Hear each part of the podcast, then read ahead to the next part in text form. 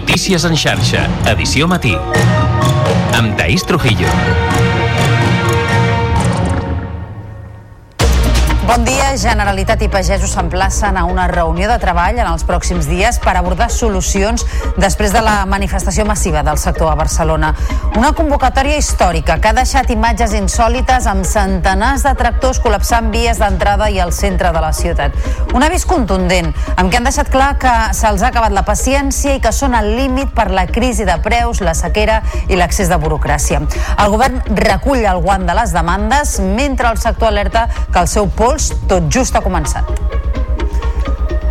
Doncs així encapçalem el Notícies en xarxa d'aquest eh, dijous 8 de febrer i de seguida connectarem en directe amb la Diagonal de Barcelona per veure quin ambient es respira entre els pagesos que hi han fet nit. Abans, però, i al punt de les 7 del matí, repassem altres titulars. Vist per a sentència el judici contra Dani Alves per agressió sexual. L'exjugador de futbol ha declarat que no va violar la víctima, que hi va haver consentiment en la relació i que no va utilitzar la força. Una forense certifica que la noia pateix estrès posttraumàtic. Alves s'enfronta a una petició de 12 anys de presó.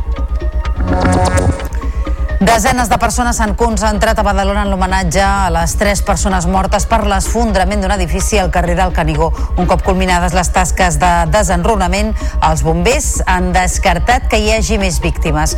L'Ajuntament ha decretat tres dies de dol. Aigües Ter Llobregat desdoblarà la caronada que connecta la planta de Cardedeu amb Barcelona i que perd 225.000 litres d'aigua cada dia. Les obres, que costaran 36 milions d'euros, s'executaran en els pròxims dos anys. En esports, el Barça s'ha classificat per a les semifinals de la Copa de la Reina de Futbol amb una golejada per 8 a 0 sobre el Sevilla.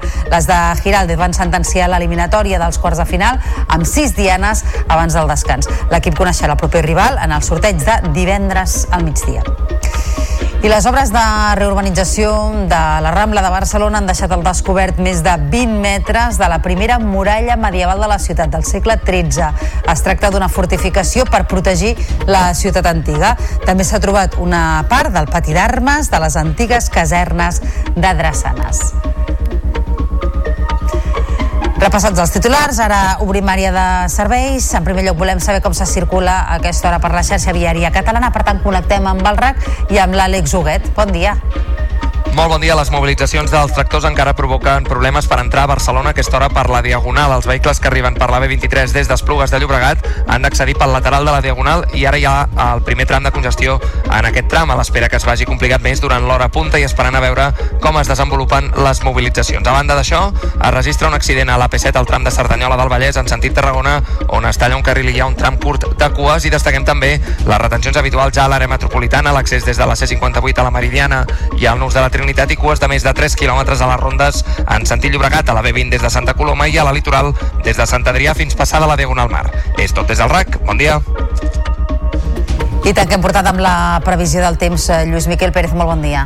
Bon dia, un dijous que comença amb una temperatura una miqueta més alta que la d'ahir. A més a més, amb menys boira, així que aquest matí n'hi haurà alguna de localitzada, res que sigui tan extens com ahir, o tampoc tan durador, en el cas del Pla de Lleida, també en d'altres comarques com la banda del Solsonès o la Sagarra. Aquests núvols al llarg del migdia s'aniran trencant, en quedaran alguns de prims no gaire importants i aquesta temperatura que anirà pujant. De fet, aquesta tarda la temperatura màxima acabarà en els 22-23 graus a moltes comarques, sobretot a la costa prelitoral i també a Girona, amb més vent de garbí, i aquesta tarda amb un cel cada vegada més balat, més núvols que sobretot al Pirineu lleidatà deixaran les primeres pluges febles o nevadetes cap als 1.800 metres aproximadament. Us seguirem a la xarxa. Notícies en xarxa, edició matí. Pagesos i Generalitat s'emplacen a una reunió de treball d'aquí a 10 o 15 dies per buscar respostes a les reivindicacions que han combinat amb una manifestació històrica a Barcelona.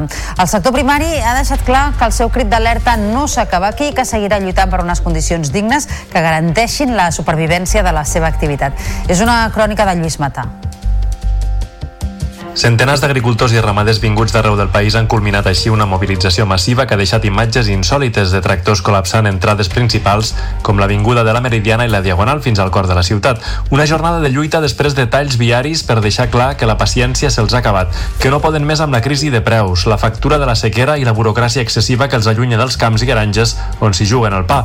La protesta que ha desembocat a la plaça de Sant Jaume ha anat precedida de la reunió entre els representants dels pagesos, el president de la Generalitat Pere Aragonès i el conseller d'Acció Climàtica David Mascort, d'on n'han sortit compromisos. La pagesia del nostre país eh, ha fet sentir la seva veu, ha estat un clam eh, unànim les seves reivindicacions i el país s'ha girat a mirar-los. Les seves reivindicacions són les nostres i decideixin com volen fer per trobar-nos eh, la propera setmana o en 10 dies per fer una anàlisi de totes aquestes propostes, una anàlisi concreta. Parlarem amb la nostra gent, perquè sempre és un moviment assembleari, parlarem i cada territori es posarem al conseller eh, les nostres preocupacions. Després d'una jornada extenuant de mobilitzacions, un gruix important dels pagesos decidien prendre el camí de retorn per atendre les seves explotacions, mentre altres, vinguts de punts més allunyats com les Terres de l'Ebre, han fet nit a la ciutat.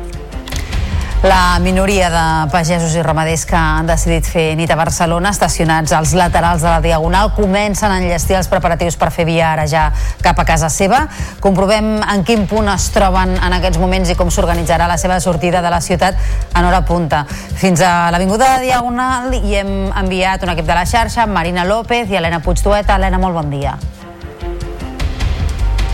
Hola, molt bon dia. Doncs sí, som aquí a l'Avinguda Diagonal, en la confluència amb l'Avinguda Pedralbes, molt a prop de l'antic hotel Reina Sofia, aquí acompanyant doncs, a una seixantrena, entre 60 i 70 eh, pagesos i ramaders, aquí la majoria agrupats de Ponent, molts són de Mollerussa, però ens deien altres companys periodistes que potser s'han llevat més d'hora que nosaltres, que més avall a la Diagonal hi han uns quants eh, ramaders i pagesos més amb els seus tractors. En total serien potser uns 200, 210. De fet, aquí, com deia, una setantena, a Avinguda Diagonal en Francesc Macià hi ha una vintena més de tractors, en Passeig de Gràcia una cinquantena i també sembla que n'hi haurien del Bages una setantena més a Gran Via. Aquests sembla també, segons fonts no confirmades, voldrien fer cap fins al Parlament, però això no ho tenim confirmat i està per veure. Aquí eh, el sentiment ara mateix, a, a banda de cansament, és un sentiment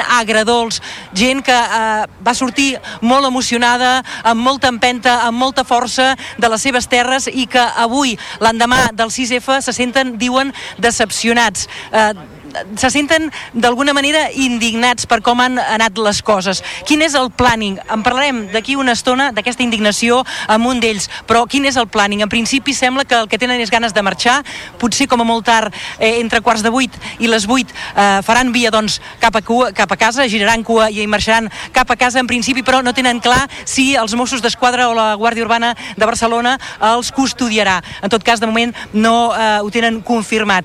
Eh, deia que d'alguna manera el que han fet fins ara és trencar el son, recuperar una mica de forces, alguns aquí en els seus remolcs, d'altres han anat en alguna fonda i uns tercers potser tenen família o fills aquí que estan estudiant i han passat la nit eh, a casa d'aquests parents. En tot cas, per què aquesta indignació? Volem parlar ara mateix amb en Genís Fontanet. Genís, bon dia i bona hora. Hola, bon dia.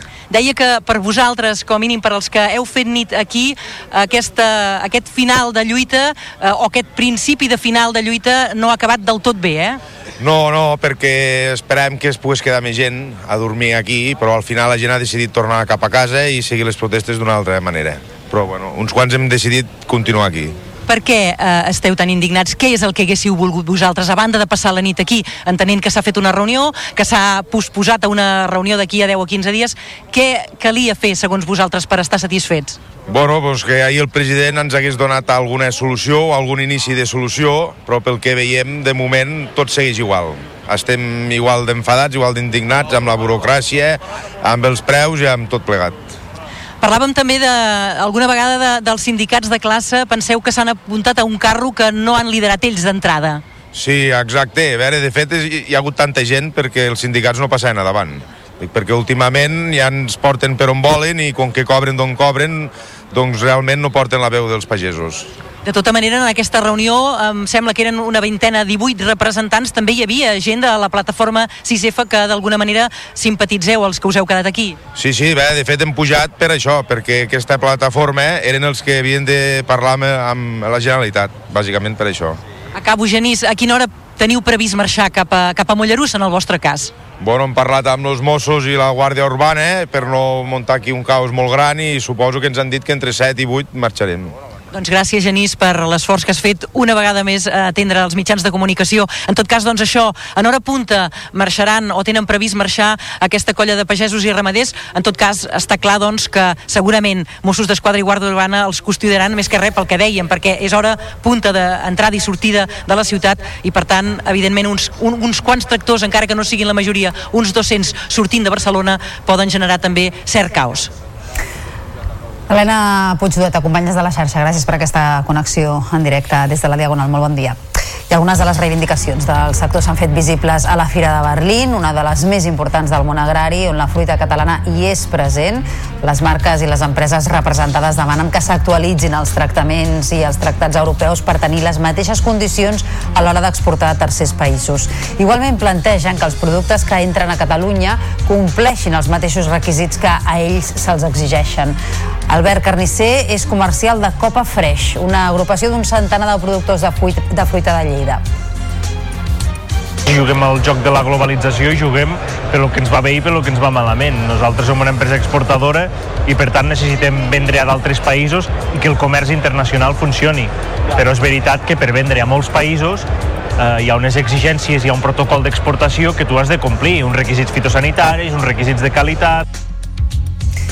I al matí, abans de rebre els pagesos al Palau de la Generalitat, el president Pere Aragonès va assegurar durant la sessió de control al Parlament que l'executiu està plenament compromès amb la pagesia i va anunciar que el mes que ve s'obrirà una finestra única pel sector que els estalviarà temps i tràmits el que és la reducció dels tràmits burocràtics. N'hi ha molts que són de normativa, directives, lleis de l'Estat que no depenen de nosaltres, però en el nostre àmbit actuem. I doncs, en aquest primer trimestre de l'any es posarà en marxa el portal únic de relació entre el pagès, la pagesa i l'administració de la Generalitat que recollirà tots els tràmits i que permetrà doncs, que estalviar molt de temps en carregar documents diverses vegades com és el cas. No? I per tant aquestes són un exemple de mesures que el govern està plenament compromès amb la pagesia del nostre país. I el president del govern espanyol, Pedro Sánchez, ha promès aquest dimecres des del Congrés dels Diputats que el seu govern enfortirà la llei de la cadena alimentària aprovada la passada legislatura per donar resposta a algunes de les peticions del sector agroalimentari que es mobilitza aquests dies. Luego vino la pandemia y se dieron cuenta todos estos países de la importancia de hablar de la soberanía alimentaria de la PAC y en consecuencia de la importancia del sector primario en nuestro continente en el nivel europeo. Eso es lo que está haciendo el gobierno de España, señoría. Nosotros estamos facilitando la adaptación a la normativa de la Unión Europea, estamos simplificando la PAC, estamos implementando cláusulas espejo y vamos a fortalecer la ley de cadena alimentaria.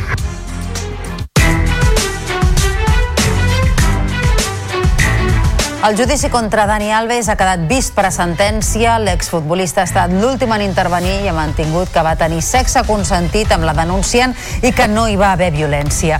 En una declaració de poc més de 20 minuts, en què només ha contestat a la seva advocada, Alves ha dit també que en cap moment va notar que les noies estiguessin incòmodes i que aquell dia va veure bastant. Malgrat tot, dues pèrites psicològiques contractades per la defensa han reconegut que sabia en tot moment el que estava passant i que sabia diferenciar entre el bé i el mal. La Fiscalia i l'acusació mantenen les peticions de 9 i 12 anys de presó. La defensa es manté en l'absolució, però acceptaria un any de presó que ja ha complert i una indemnització de 50.000 euros. I els bombers van completar ahir el desenrunament dels gairebé 90 metres cúbics de runa acumulats després del col·lapse de l'edifici de Badalona i van descartar la presència de més víctimes a banda dels tres cossos rescatats sota la runa. I d'altra banda, a l'Ajuntament de la ciutat es van fer 5 minuts de silenci en homenatge a les tres víctimes mortals. Ens ho explica el Joan Ferrer. Els veïns afectats de l'edifici esfondrat van poder accedir ahir a la tarda a les restes dels habitatges per agafar les seves pertinences. Ho van fer un per un i acompanyats d'efectius de bombers i Mossos d'Esquadra per garantir en tot moment la seva seguretat. Tot plegat mentre a la plaça de la Vila es va fer un acte d'homenatge a les tres víctimes mortals. S'hi van fer 5 minuts de silenci que van aplegar unes 200 persones entre veïns, autoritats i grups municipals. Des d'allà, l'alcalde de Badalona, Xavier García Albiol, va recordar el compromís de la ciutat amb les famílies afectades i va garantir el suport habitacional i jurídic per part de l'Ajuntament. Signaré un decret eh, per poder doncs, dur a terme accions d'urgència i poder atendre des d'un punt de vista de l'habitatge provisionalment durant unes setmanes a qui li faci falta i també doncs, oferir un servei que, que crec que és important, que no ens pertoca però que, que penso que és necessari, que és el contractar un servei jurídic, uns advocats perquè atengui aquestes famílies. El Biol també va assegurar que des d'ahir a la tarda tècnics municipals d'urbanisme estan analitzant les possibles causes de l'esfondrament. Les hipòtesis inicials apuntarien a mancances estructurals a la teulada de l'àtic.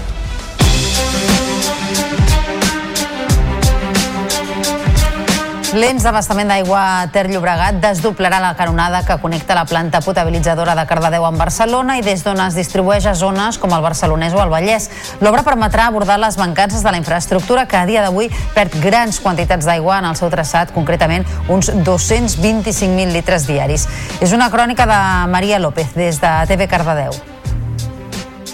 La reparació d'aquesta conducció està supeditada a la construcció del seu desdoblament, que funcionarà com una alternativa per seguir transportant els cabals necessaris per al subministrament d'aigua a la població.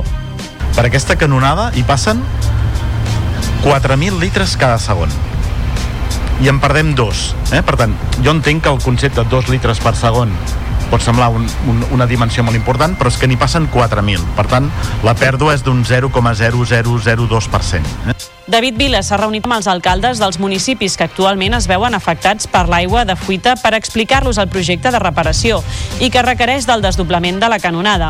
Una obra que té previst la seva licitació durant el primer trimestre d'enguany i la seva execució a partir del proper mes de setembre i durant dos anys. Les obres de desdoblament es van iniciar ja entre els anys 2003 i 2009, on es van dur a terme les obres en tres dels quatre trams previstos.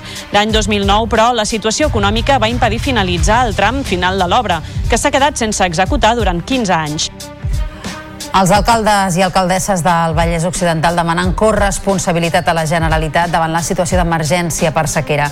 Amb una declaració conjunta han fet públic que s'han sentit sols i amb pocs recursos per fer complir les restriccions. Els batlles també demanen poder reomplir les piscines municipals a l'estiu. És una crònica de Canal Terrassa. De la reunió ordinària ha sorgit una petició unànima de tots els municipis. Demanen a la Generalitat un espai de diàleg estable per coordinar i consensuar accions. Els ajuntaments, que som l'administració més propera als ciutadans, que som els que al final hem d'acabar supervisant, no? controlant no? l'execució d'aquestes mesures, ens hem trobat sols a l'hora de mm, que el govern confiés en nosaltres a l'hora de prendre determinades decisions. Ballar també ha demanat al govern que aquest estiu les piscines municipals es puguin obrir. Les piscines són un espai de refugi climàtic molt important, que a més a més tenen una funció social imprescindible, que mm, generen igualtat d'oportunitats, que fa que moltes famílies, especialment famílies vulnerables, probablement sigui l'única activitat que puguin fer a l'estiu. El Consell d'Alcaldies demana a la Generalitat més diàleg i cooperació, però també més inversions, planificació, ajudes o subvencions als ens locals per augmentar l'aigua regenerada, optimitzar la xarxa i reparar les canonades i indemnitzacions als diferents sectors econòmics perjudicats.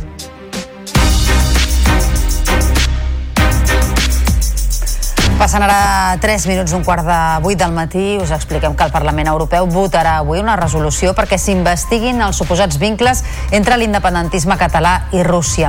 L'Eurocambra vol expressar així la seva extrema preocupació per les informacions relatives al cas Volhov i els intents del Kremlin de desestabilitzar la Unió Europea.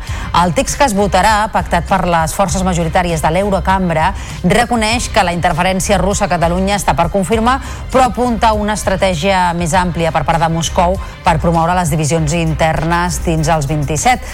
El document fa una crida a investigar les presumptes connexions dels eurodiputats associats amb el Kremlin.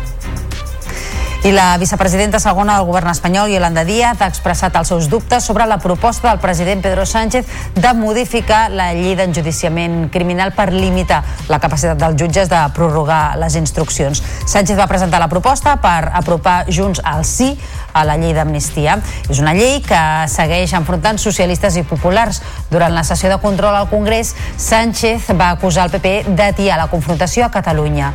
El president va fer referència a un lapsus del líder líder del PP que va confondre el gas metà amb el metanol, nom tècnic de l'alcohol de cremar. Señor Sánchez, ahora que todo el mundo sabe que usted sin Puigdemont no es nadie, ya veo que ahora ya no se ríe como se reía en otoño, ¿es consciente realmente de la realidad de su gobierno? Muchas gracias. Señor eh, Feijó, como ya sé por dónde va, y además eh, se ha descubierto como un experto en química orgánica, le recordaré que uno de los principales usos eh, del metanol es el disolvente. Quizá de ahí le vengan a ustedes eh, la falta de argumentos durante todos estos años.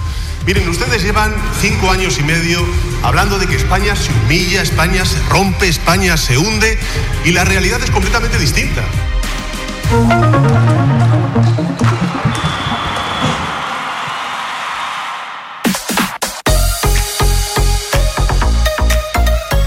El Barça s'ha classificat per a les semifinals de la Copa de la Reina de Futbol amb una golejada per 8 a 0 sobre el Sevilla. Les de Giraldez van sentenciar l'eliminatòria dels quarts de final amb 6 dianes abans del descans. Salma, Aitana i Mariona van fer un doblet i Ari Arias i Graham Hansen van completar l'exhibició. L'equip coneixerà el proper rival en el sorteig de demà al migdia. I el comitè de competició manté les sancions per la propera jornada que afecten el Barça i el Girona. El club laurana presentarà recurs d'apel·lació per la segona groga que va veure Vitor Roque davant l'Alavés i que li impediria jugar diumenge contra el Granada. I per contra, el Girona no recorrerà les sancions a Michel Sánchez i Daily Blind per la visita a Santiago, al Santiago Bernabéu. Al tècnic li han imposat dos partits per l'expulsió davant la Real Societat. Un hàndicap per a un partit que pot decidir mitja lliga. En parla Cristian Estuani. Jugar eh, contra, contra Real Madrid en su campo eh, para intentar arrebatarle el liderato, eh, la verdad que eso para nosotros es... Eh, es más que una, una, motivación, ¿no? sino que es un partido especial. Eh, tener a nuestro entrenador eh, en el Bernabéu es súper importante, eh, no va a ser así, o al menos de momento, y a Daily también, es una, es una baja para nosotros considerable, pero bueno, creemos que, con los jugadores que, que están disponibles, que, que van a poder llegar en buenas condiciones, vamos a tener herramientas suficientes. Desfeta del joventut a la pista del Prometei a l'Eurocup de bàsquet va caure per 94 a 80 tot i haver dominat fins al darrer quart. En l'últim període, però, un parcial a 36 a 9 va decidir el partit per als ucraïnesos. Amb la derrota, la penya perd el factor pista per als vuitens de final en què s'enfrontarà a l'Ulm alemany. I aquest vespre es disputa la penúltima jornada de la fase de grups de la Champions masculina d'hoquei patins. El Finques Prats Lleida necessita una carambola per seguir viu a la competició. Ha de superar de més de 3 gols al Tricino i esperar que el Tomar no guanyi. El partit es podrà seguir per la plataforma de streaming La Xarxa Més. Més dades des de Lleida TV, Aleix Vergés. Jornada decisiva per al Finques Prat Lleida que busca sumar una nova victòria en aquest cas contra el Tricino, campió de Lliga i Copa Italiana. Els de Duamat van caure a Itàlia per un resultat de 8 gols a 4 i ara necessiten guanyar d'un mínim de 4 gols si no volen quedar fora matemàticament a causa del gol averaix particular.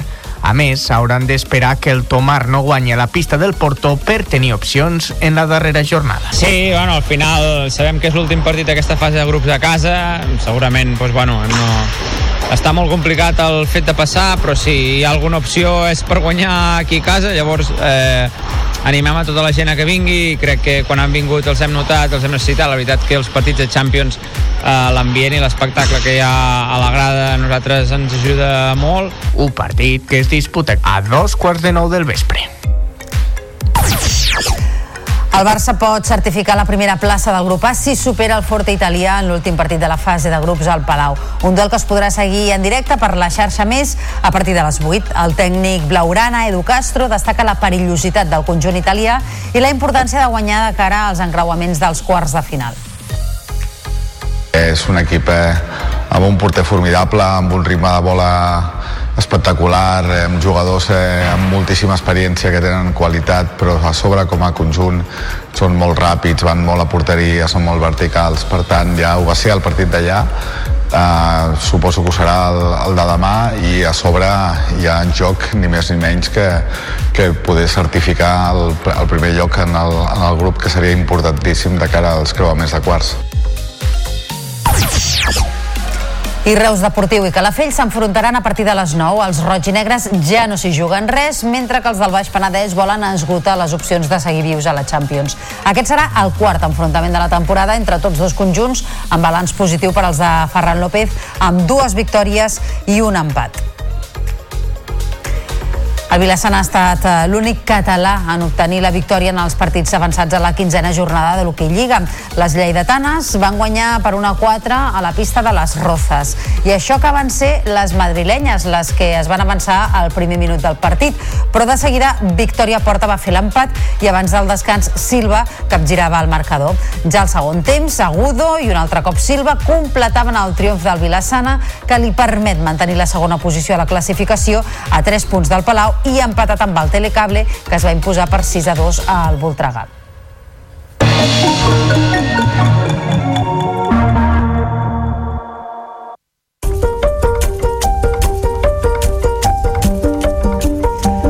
Les obres de reurbanització de la Rambla de Barcelona han deixat al descobert nombroses restes arqueològiques. Al tram baix de la Rambla, on van començar les obres, s'ha localitzat 20 metres de la primera muralla medieval del segle XIII. Es tracta d'una fortificació que recorria tot el que avui és la Rambla fins a arribar a Colom per protegir la ciutat antiga. També s'ha trobat una part del pati d'armes de les antigues casernes de Drasanes que data del segle XVIII. Xavier Maese, del Servei Arqueològic de l'Ajuntament de Barcelona, explica la importància de la troballa, tot i que ara les restes es catalogaran i es taparan. És la muralla medieval original que tancava la ciutat, el barri gòtic per la Rambla, permetia defensar la ciutat en el seu moment, perquè en el segle XII-XI havia una muralla de fusta. I aquesta muralla es va construir per motius defensius va permetre protegir millor la ciutat. Immortal, un cant a la vida, és el nou espectacle musical del cor de l'Orfeó Lleidatà que s'estrenarà el 27 d'abril a la Llotja i que per primer cop comptarà amb l'acompanyament del Conservatori Professional de Dansa de l'Institut del Teatre de Barcelona. En total, més de 150 persones damunt l'escenari en un espectacle que fusiona el cant coral, música i dansa en un format de requiem, però amb un repertori molt elèctric i molt eclèctic per apropar-lo a tots els públics. Ho explica en Pol Pastor, el director musical de l'espectacle qualsevol estil musical, el missatge en, en el fons segueix sent humà, per tant segueix sent uh, universal. I llavors per això podem sentir Lady Gaga, podem sentir Lluís Llach, podem sentir Mozart, evidentment no ens deixarem els grans èxits com Fore o Mozart, o Andrew Lloyd Webber, que és famós per musicals.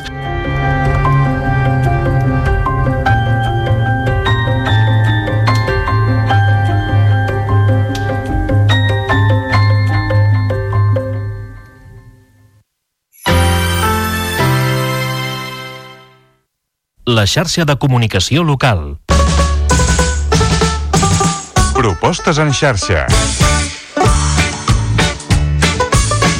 Gent gran, persones amb pròtesi, greix corporal o tatuatges, gent que va amb mitjons i xancletes, persones sense un gènere totalment definit, d'altres que tenen antenes, cues de sirena o caps de cèl·lula, tots ells conviuen en el cartell d'Animac, i representen la biodiversitat dins el món de l'animació que aquest febrer fa una parada obligada a Lleida.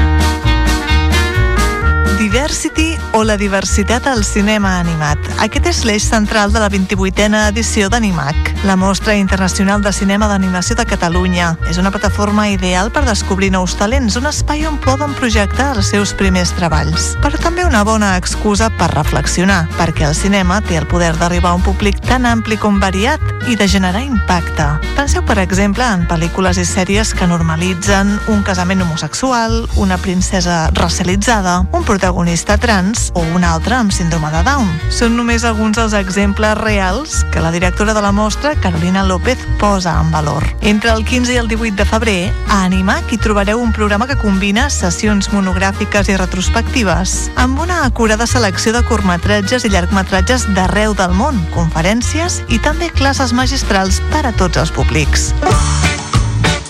Del 15 al 18 de febrer, Lleida acull la 28a edició d'Animac, la mostra internacional de cinema d'animació de Catalunya. Podeu consultar-ne tots els detalls al web animac.paeria.cat.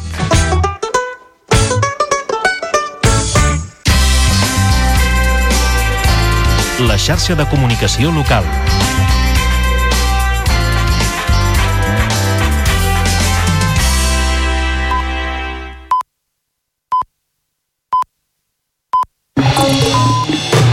Notícies en xarxa, edició matí. Amb Taís Trujillo. Bon dia, són dos quarts de vuit del matí i avui encapçalem el Notícies en xarxa amb les mobilitzacions de la pagesia. D'aquí a uns minuts connectarem en directe amb la Diagonal de Barcelona on els pagesos que ahir a la nit es van quedar a la ciutat comencen ja a marxar. Els pagesos han passat la nit a la ciutat després de la massiva manifestació d'ahir dimecres i de la reunió que van mantenir al Palau de la Generalitat i que van aconseguir el compromís del govern català de negociar amb el col·lectiu. Una convocatòria històrica que ha deixat imatges insòlites amb centenars de tractors col·lapsant vies d'entrada i al centre de la ciutat. Un avís contundent amb què han deixat clar que se'ls ha acabat la paciència i que són al límit per la crisi de preus, la sequera i l'accés de burocràcia. El govern recull el guant de les demandes mentre que el sector alerta que el seu pols tot just ha començat. Generalitat i pagesos s'emplacen a una reunió de treball en els pròxims dies per tal d'abordar les possibles solucions. De seguida us ho ampliem, abans però repassem altres titulars d'aquest dijous 8 de febrer. Víspera sentència al judici contra Dani Alves per agressió sexual. L'exjugador de futbol ha declarat que no va violar la víctima, que hi va haver consentiment en la relació i que no va utilitzar la força. Una forense certifica que la noia pateix estrès posttraumàtic. Alves s'enfronta ara a una petició de 12 anys de presó. Desenes de persones s'han concentrat a Badalona en homenatge a les tres persones mortes per l'esfondrament d'un edifici al carrer del Canigó. Un cop culminades les tasques de desenrunament, els bombers han descartat que hi hagi més víctimes. L'Ajuntament ha decretat tres dies de dol. Aigües Ter Llobregat desdoblarà la canonada que connecta la planta de Cardedeu amb Barcelona i que perd 225.000 litres d'aigua cada dia. Les obres, que costaran 36 milions d'euros, s'executaran en els pròxims dos anys. En esports, el Barça s'ha classificat per a les semifinals de la Copa de la Reina de Futbol amb una golejada per 8 a 0 sobre el Sevilla. Les de Giraldez van sentenciar l'eliminatòria dels quarts de final amb 6 dianes abans del descans. L'equip coneixerà el proper rival en el sorteig de divendres al migdia. I les obres de reurbanització de la Rambla de Barcelona han deixat al descobert més de 20 metres de la primera muralla medieval de la ciutat del segle XIII. Es tracta d'una fortificació per protegir la ciutat antiga. També s'han trobat una part del pati d'armes de les antigues casernes de Drassanes. Repassats els titulars, ara un implana de serveis, en primer lloc amb el trànsit, segons el RAC, hi ha 6 quilòmetres de congestió de Sant Feliu de Llobregat cap a Barcelona, a la B23, pels tractors aturats a aquesta hora encara a la Diagonal que fan que els vehicles hagin d'entrar pel lateral. També està complicada la ronda de dalt en sentit sud per un accident, en aquest cas a la Vall d'Hebron, que talla un carril i que provoca 7 quilòmetres de lentitud des de Santa Coloma i el Nus i complica també l'arribada de vehicles des de la C58. Hi ha retencions habituals a l'enllaç de la 2 amb la B23 a Sant Joan d'Espí des de Pallejà i Molins de Rei a la C58 a Ripollet i a Sant Quirze cap a Barcelona i a la ronda litoral on hi ha congestió des de Sant Adrià fins a la Barceloneta. I ara la previsió del temps de cara a aquest dijous continuen les temperatures suaus aquesta jornada i han disminuït la boira i els núvols al Pla de Lleida. Les primeres pluges febles s'esperen al final del dia al Pirineu i demà divendres es preveu que plogui a diversos punts de Catalunya però de forma poc abundant. Notícies en xarxa, edició matí. Pagesos i Generalitat s'emplacen en reunió, reunió de treball d'aquí a 10 o 15 dies per buscar respostes a les reivindicacions que han culminat amb una manifestació històrica a Barcelona. El sector primari ha deixat clar que el seu crit d'alerta no s'acaba aquí i que seguirà lluitant per unes condicions dignes que garanteixin la supervivència de la seva activitat. És una crònica de Lluís Mata. Centenars d'agricultors i ramaders vinguts d'arreu del país han culminat així una mobilització massiva que ha deixat imatges insòlites de tractors col·lapsant entrades principals com l'Avinguda de la Meridiana i la Diagonal fins al cor de la ciutat. Una jornada de lluita després de talls viaris per deixar clar que la paciència se'ls ha acabat, que no poden més amb la crisi de preus, la factura de la sequera i la burocràcia excessiva que els allunya dels camps i granges on s'hi juguen el pa.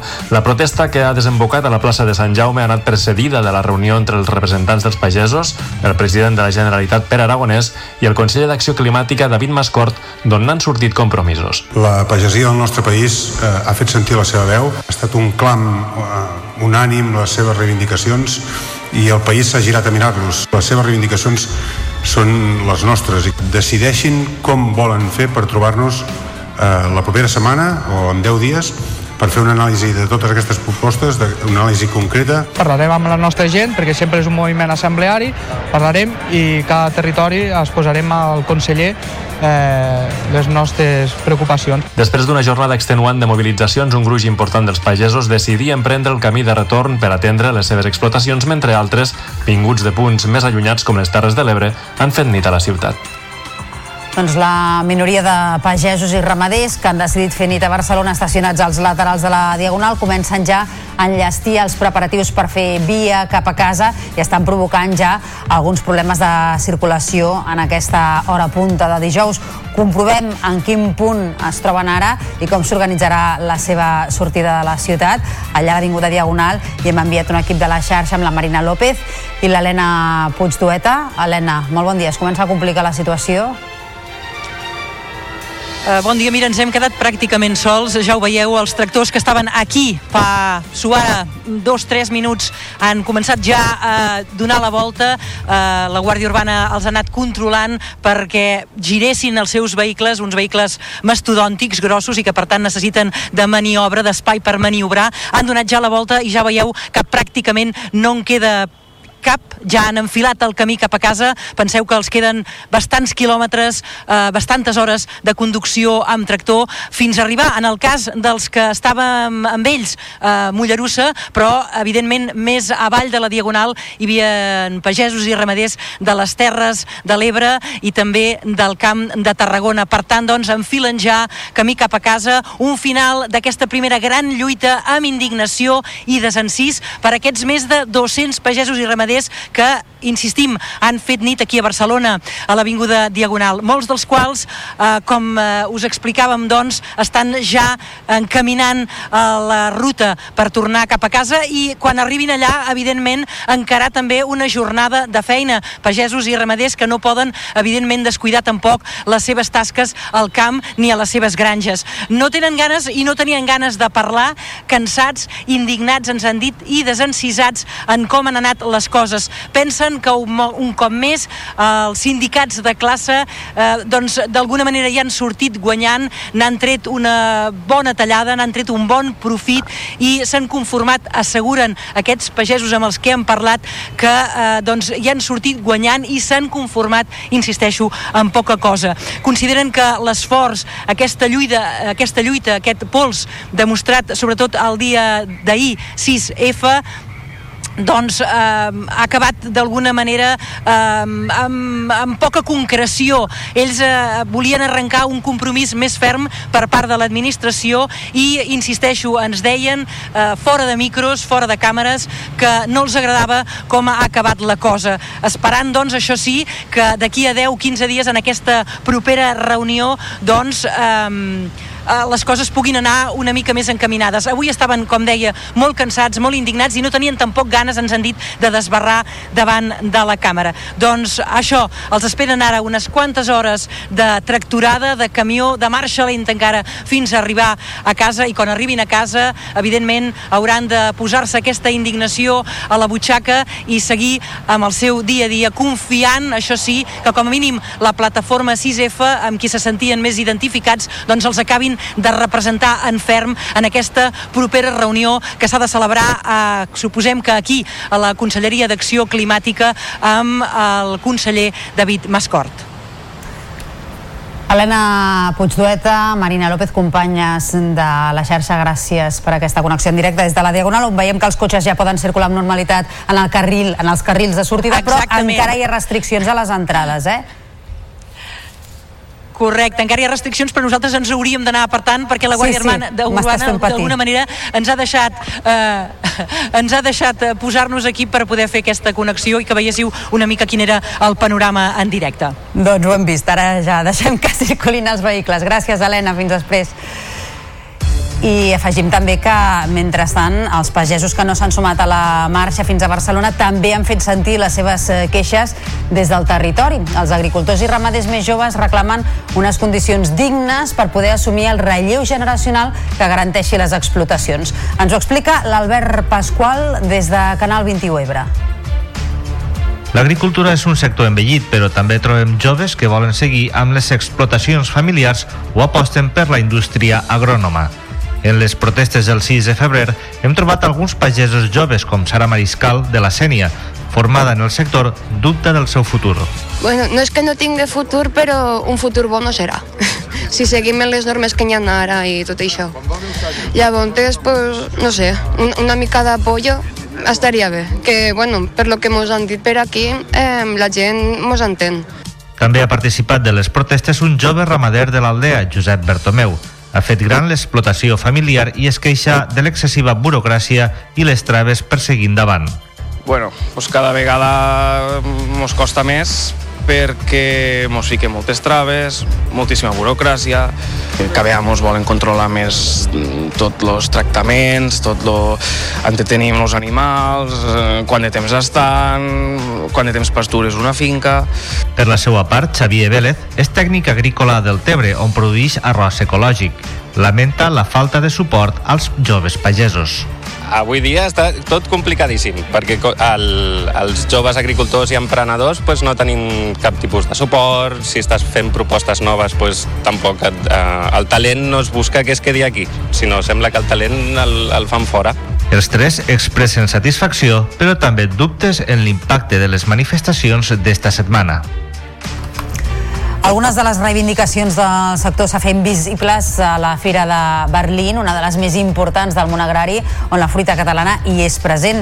Les marques i empreses representades demanen que s'actualitzin els tractats europeus i tenir les mateixes condicions a l'hora d'exportar que tercers països. Igualment plantegen que els productes que entren a Catalunya compleixin els mateixos requisits que a ells se'ls exigeixen. Albert Carnicer és comercial de Copa Freix, que és una agrupació d'un centenar de productors de fruita a Lleida juguem al joc de la globalització i juguem pel que ens va bé i pel que ens va malament. Nosaltres som una empresa exportadora i per tant necessitem vendre a d'altres països i que el comerç internacional funcioni. Però és veritat que per vendre a molts països eh, hi ha unes exigències, hi ha un protocol d'exportació que tu has de complir, uns requisits fitosanitaris, uns requisits de qualitat i al matí, abans de rebre els pagesos al Palau de la Generalitat, el president Pere Aragonès ha assegurat durant la sessió de control al Parlament que l'executiu està plenament compromès amb la pagesia i ha anunciat que el mes que ve s'obrirà una finestra única pel sector que els estalviarà temps i tràmits el que és la reducció dels tràmits burocràtics. Hi ha molts que són de normativa, directives, lleis de l'Estat que no depenen de nosaltres, però en el nostre àmbit actuem. I doncs, en aquest primer trimestre de l'any es posarà en marxa el portal únic de relació entre el pagès, la pagesa i l'administració de la Generalitat que recollirà tots els tràmits i que permetrà doncs, que estalviar molt de temps en carregar documents diverses vegades com és el cas. No? I per tant, aquestes són un exemple de mesures que el govern està plenament compromès amb la pagesia del nostre país. I el president del govern espanyol, Pedro Sánchez, ha promès aquest dimecres des del Congrés dels Diputats que el seu govern enfortirà la llei de la cadena alimentària aprovada la passada legislatura per tal de donar respostes a algunes de les peticions del sector agroalimentari que s'està mobilitzant aquests dies. Luego vino la pandemia y se dieron cuenta todos estos países de la importancia de hablar de la soberanía alimentaria de la PAC y en consecuencia de la importancia del sector primario en nuestro continente en el nivel europeo. Eso es lo que está haciendo el gobierno de España, señoría.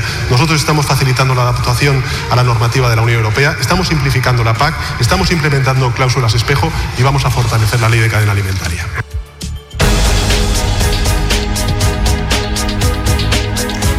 El judici contra Dani Alves ha quedat vist per a sentència. L'exfutbolista, l'últim en intervenir, manté que va tenir sexe consentit amb la denunciant i que no hi va haver violència. En una declaració de poc més de 20 minuts en què només va contestar a la seva advocada, Alves va dir també que en cap moment va notar que les noies estiguessin incòmodes i que aquell dia va veure bastant.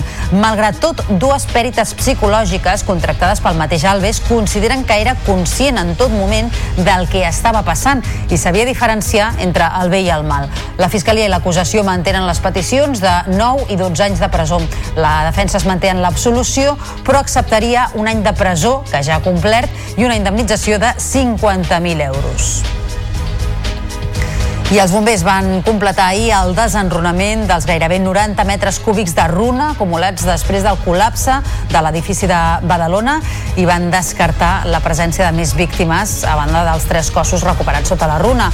I d'altra banda, a l'Ajuntament de la ciutat es van fer 5 minuts de silenci en homenatge a les eh, tres víctimes mortals. Ens ho explica el Joan Ferrer. Els veïns afectats de l'edifici esfondrat van poder accedir ahir a la tarda a les restes dels habitatges per agafar les seves pertinences. Ho van fer un per un i acompanyats d'efectius de bombers i Mossos d'Esquadra per garantir en tot moment la seva seguretat. Tot plegat mentre a la plaça de la Vila es va fer un acte d'homenatge a les tres víctimes mortals. S'hi van fer 5 minuts de silenci que van aplegar unes 200 persones entre veïns, autoritats i grups municipals. Des d'allà, l'alcalde de Badalona, Xavier García Albiol, va recordar el compromís de la ciutat amb les famílies afectades i va garantir el suport habitacional i jurídic per part de l'Ajuntament. Signaré un decret eh, per poder doncs, dur a terme accions d'urgència i poder atendre des d'un punt de vista de l'habitatge provisionalment durant unes setmanes a qui li faci falta i també doncs, oferir un servei que, que crec que és important, que no ens pertoca però que, que penso que és necessari que és el contractar un servei jurídic, uns advocats perquè atengui aquestes famílies Albiol també va assegurar que des d'ahir a la tarda tècnics municipals d'urbanisme estan analitzant les possibles causes de l'esfondrament. Les hipòtesis inicials apuntarien a mancances estructurals a la teulada de l'àtic.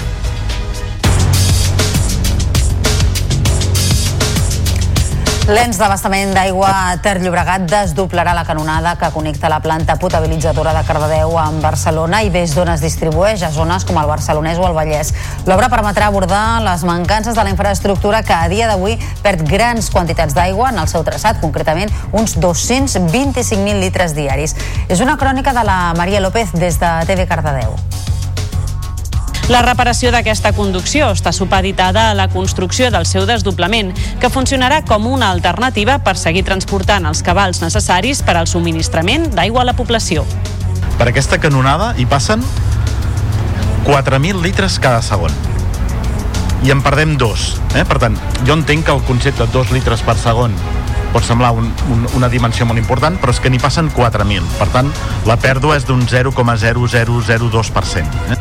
David Vila s'ha reunit amb els alcaldes dels municipis que actualment es veuen afectats per l'aigua de fuita per explicar-los el projecte de reparació i que requereix del desdoblament de la canonada. Una obra que té previst la seva licitació durant el primer trimestre d'enguany i la seva execució a partir del proper mes de setembre i durant dos anys. Les obres de desdoblament es van iniciar ja entre els anys 2003 i 2009, on es van dur a terme les obres en tres dels quatre trams previstos. L'any 2009, però, la situació econòmica va impedir finalitzar el tram final de l'obra, que s'ha quedat sense executar durant 15 anys. I per tal d'intensificar l'estalvi d'aigua, la Paeria de Lleida vol digitalitzar la xarxa de canonades de la ciutat. Així ho ha anunciat l'alcalde Fèlix Larrosa en el Comitè Estratègic de l'Aigua a Lleida, alhora que ha destacat l'esforç de la pagesia per adaptar-se al moment crític que s'està vivint en les reserves d'aigua a conseqüència de la sequera. Ens ho explica des de Lleida TV la Irina Graells. El principal protagonista de la trobada ha estat la modernització del canal de Pinyana, i és que es preveu que en la pròxima reunió de la Mancomunitat General de l'Aigua de Pinyana s'aprovi la modernització del primer tram del sector 3, un sector que, a la ciutat de Lleida, afectarà a 70 hectàrees. L'altre protagonista de la reunió del Comitè Estratègic de l'Aigua han estat les mesures d'estalvi d'optimització d'aigua en els camps i els conreus de l'Horta de Lleida. Els nostres pagesos treballen amb clau d'inversions a fi efecte de eh, no tenir que recórrer a tanta aigua per fer la seva feina. Recorren a la innovació per eh, apostar per nous conreus per no necessitar tanta aigua. És a dir, que hi ha un canvi de paradigma important a l'Horta de Lleida i al territori en aquest sentit. L'alcalde Fèlix La Rosa també ha fet menció a les reivindicacions dels pagesos i ha reiterat el seu suport i el del govern municipal a la situació que rep la pagesia lleidatana i catalana.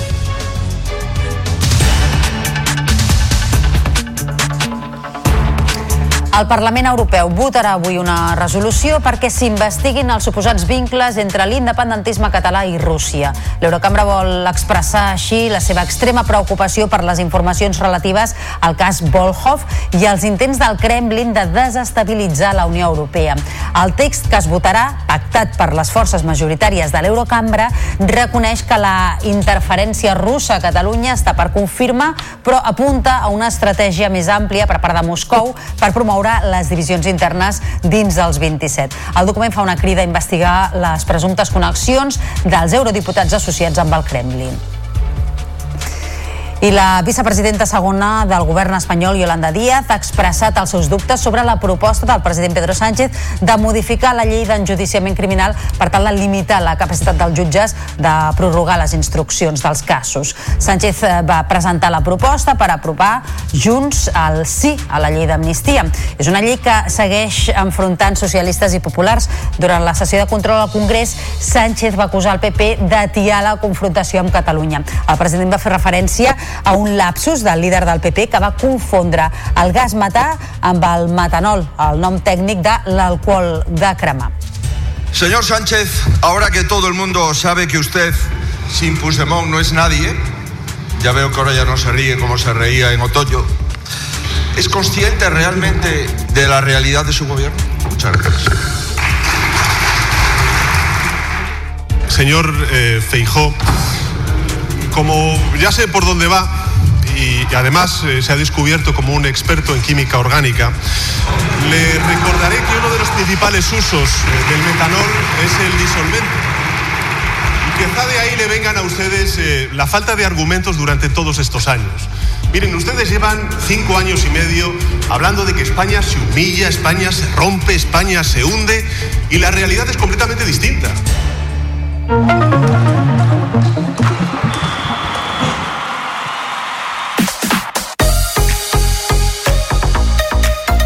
El Barça s'ha classificat per a les semifinals de la Copa de la Reina de Futbol amb una golejada per 8 a 0 sobre el Sevilla. Les de Giraldez van sentenciar l'eliminatòria dels quarts de final amb 6 dianes abans del descans.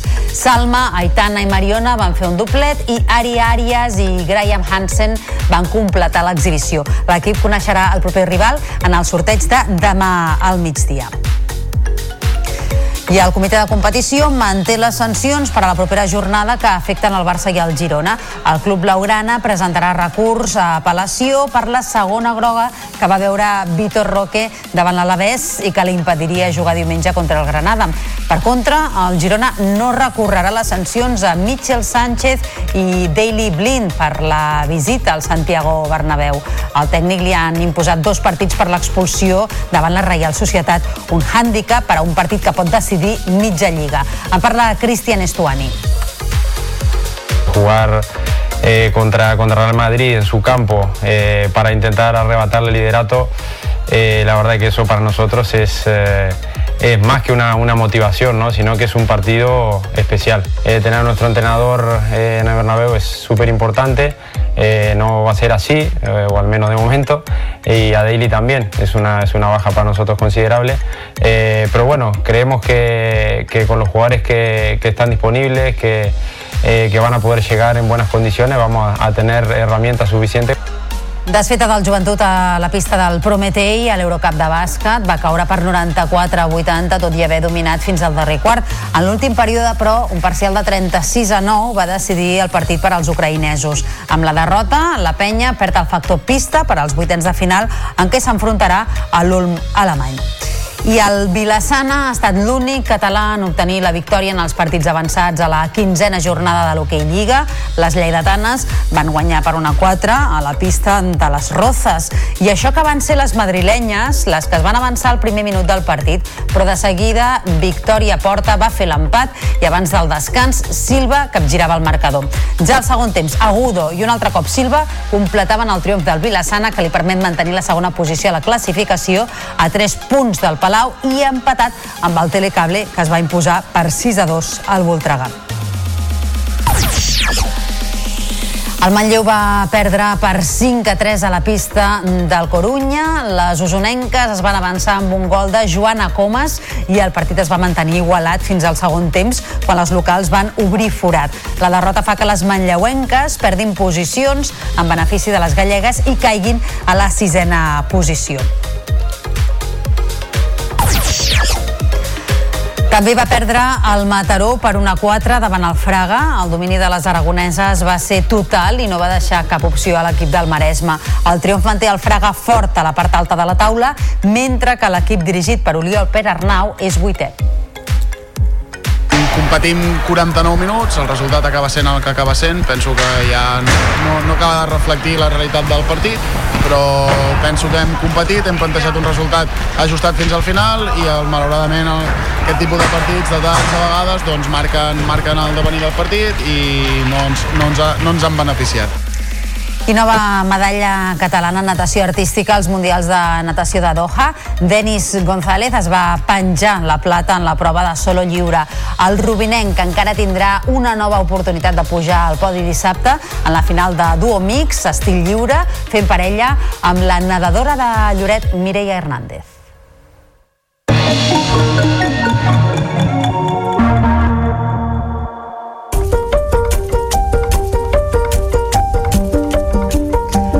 Les obres de reurbanització de la Rambla de Barcelona han deixat al descobert nombroses restes arqueològiques. Al tram baix de la Rambla, on van començar les obres, s'han localitzat 20 metres de la primera muralla medieval, que és del segle XIII. Es tracta d'una fortificació que recorria tot el que avui és la Rambla fins a arribar a Colom per protegir la ciutat antiga. També s'ha trobat una part del pati d'armes de les antigues casernes de Drassanes que daten del segle XVIII. Xavier Maese, del Servei Arqueològic de l'Ajuntament de Barcelona, explica la importància d'aquestes troballes. És la muralla medieval original que tancava la ciutat, el barri gòtic per la Rambla, permetia defensar la ciutat en el seu moment, perquè al segle XII-XI havia la muralla de fusta. I aquesta muralla es va construir per motius defensius i va permetre protegir millor la ciutat. Els visitants i peregrins que visiten aquests dies al monestir de Montserrat es trobaran alguns espais tancats i en obres i és que l'abadia s'està renovant i posant al dia per celebrar a partir del proper mes de setembre el seu mil·lenari. Aquestes setmanes d'hivern són la millor època per fer treballs de renovació abans de l'arribada de la Setmana Santa i la celebració a l'abril de la Mare de Déu de Montserrat. Uns treballs que han d'estar a punt el 8 de setembre, que és la data en què començarà la celebració dels mil anys de Montserrat. Immortal, un cant a la vida és el nou espectacle musical del cor de l'Orfeó Lleidatà que s'estrenarà el 27 d'abril a la Llotja i que per primer cop comptarà amb l'acompanyament del Conservatori Professional de Dansa de l'Institut Teatre de Barcelona. En total, més de 150 persones damunt l'escenari en un espectacle que fusiona el cant coral, la música i la dansa en un format de requiem, però amb un repertori molt eclèctic per apropar-lo a tots els públics.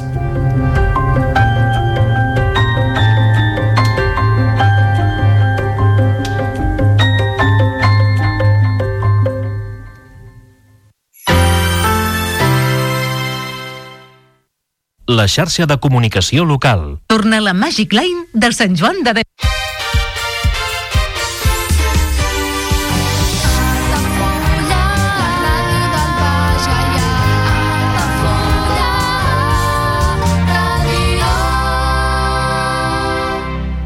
Ja coneixes les propostes que t'ofereix el Club Marítim Altafulla? Vine i descobreix totes les nostres activitats.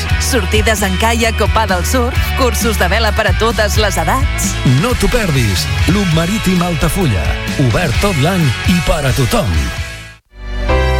Comunions 2024. Dates ja disponibles amb sales privades, jardí, pàrquing privat i la millor gastronomia. Més informació i reserves al 977 65 11 55 i a comercial arroba altafullamarotel.com o al web altafullamarotel.com.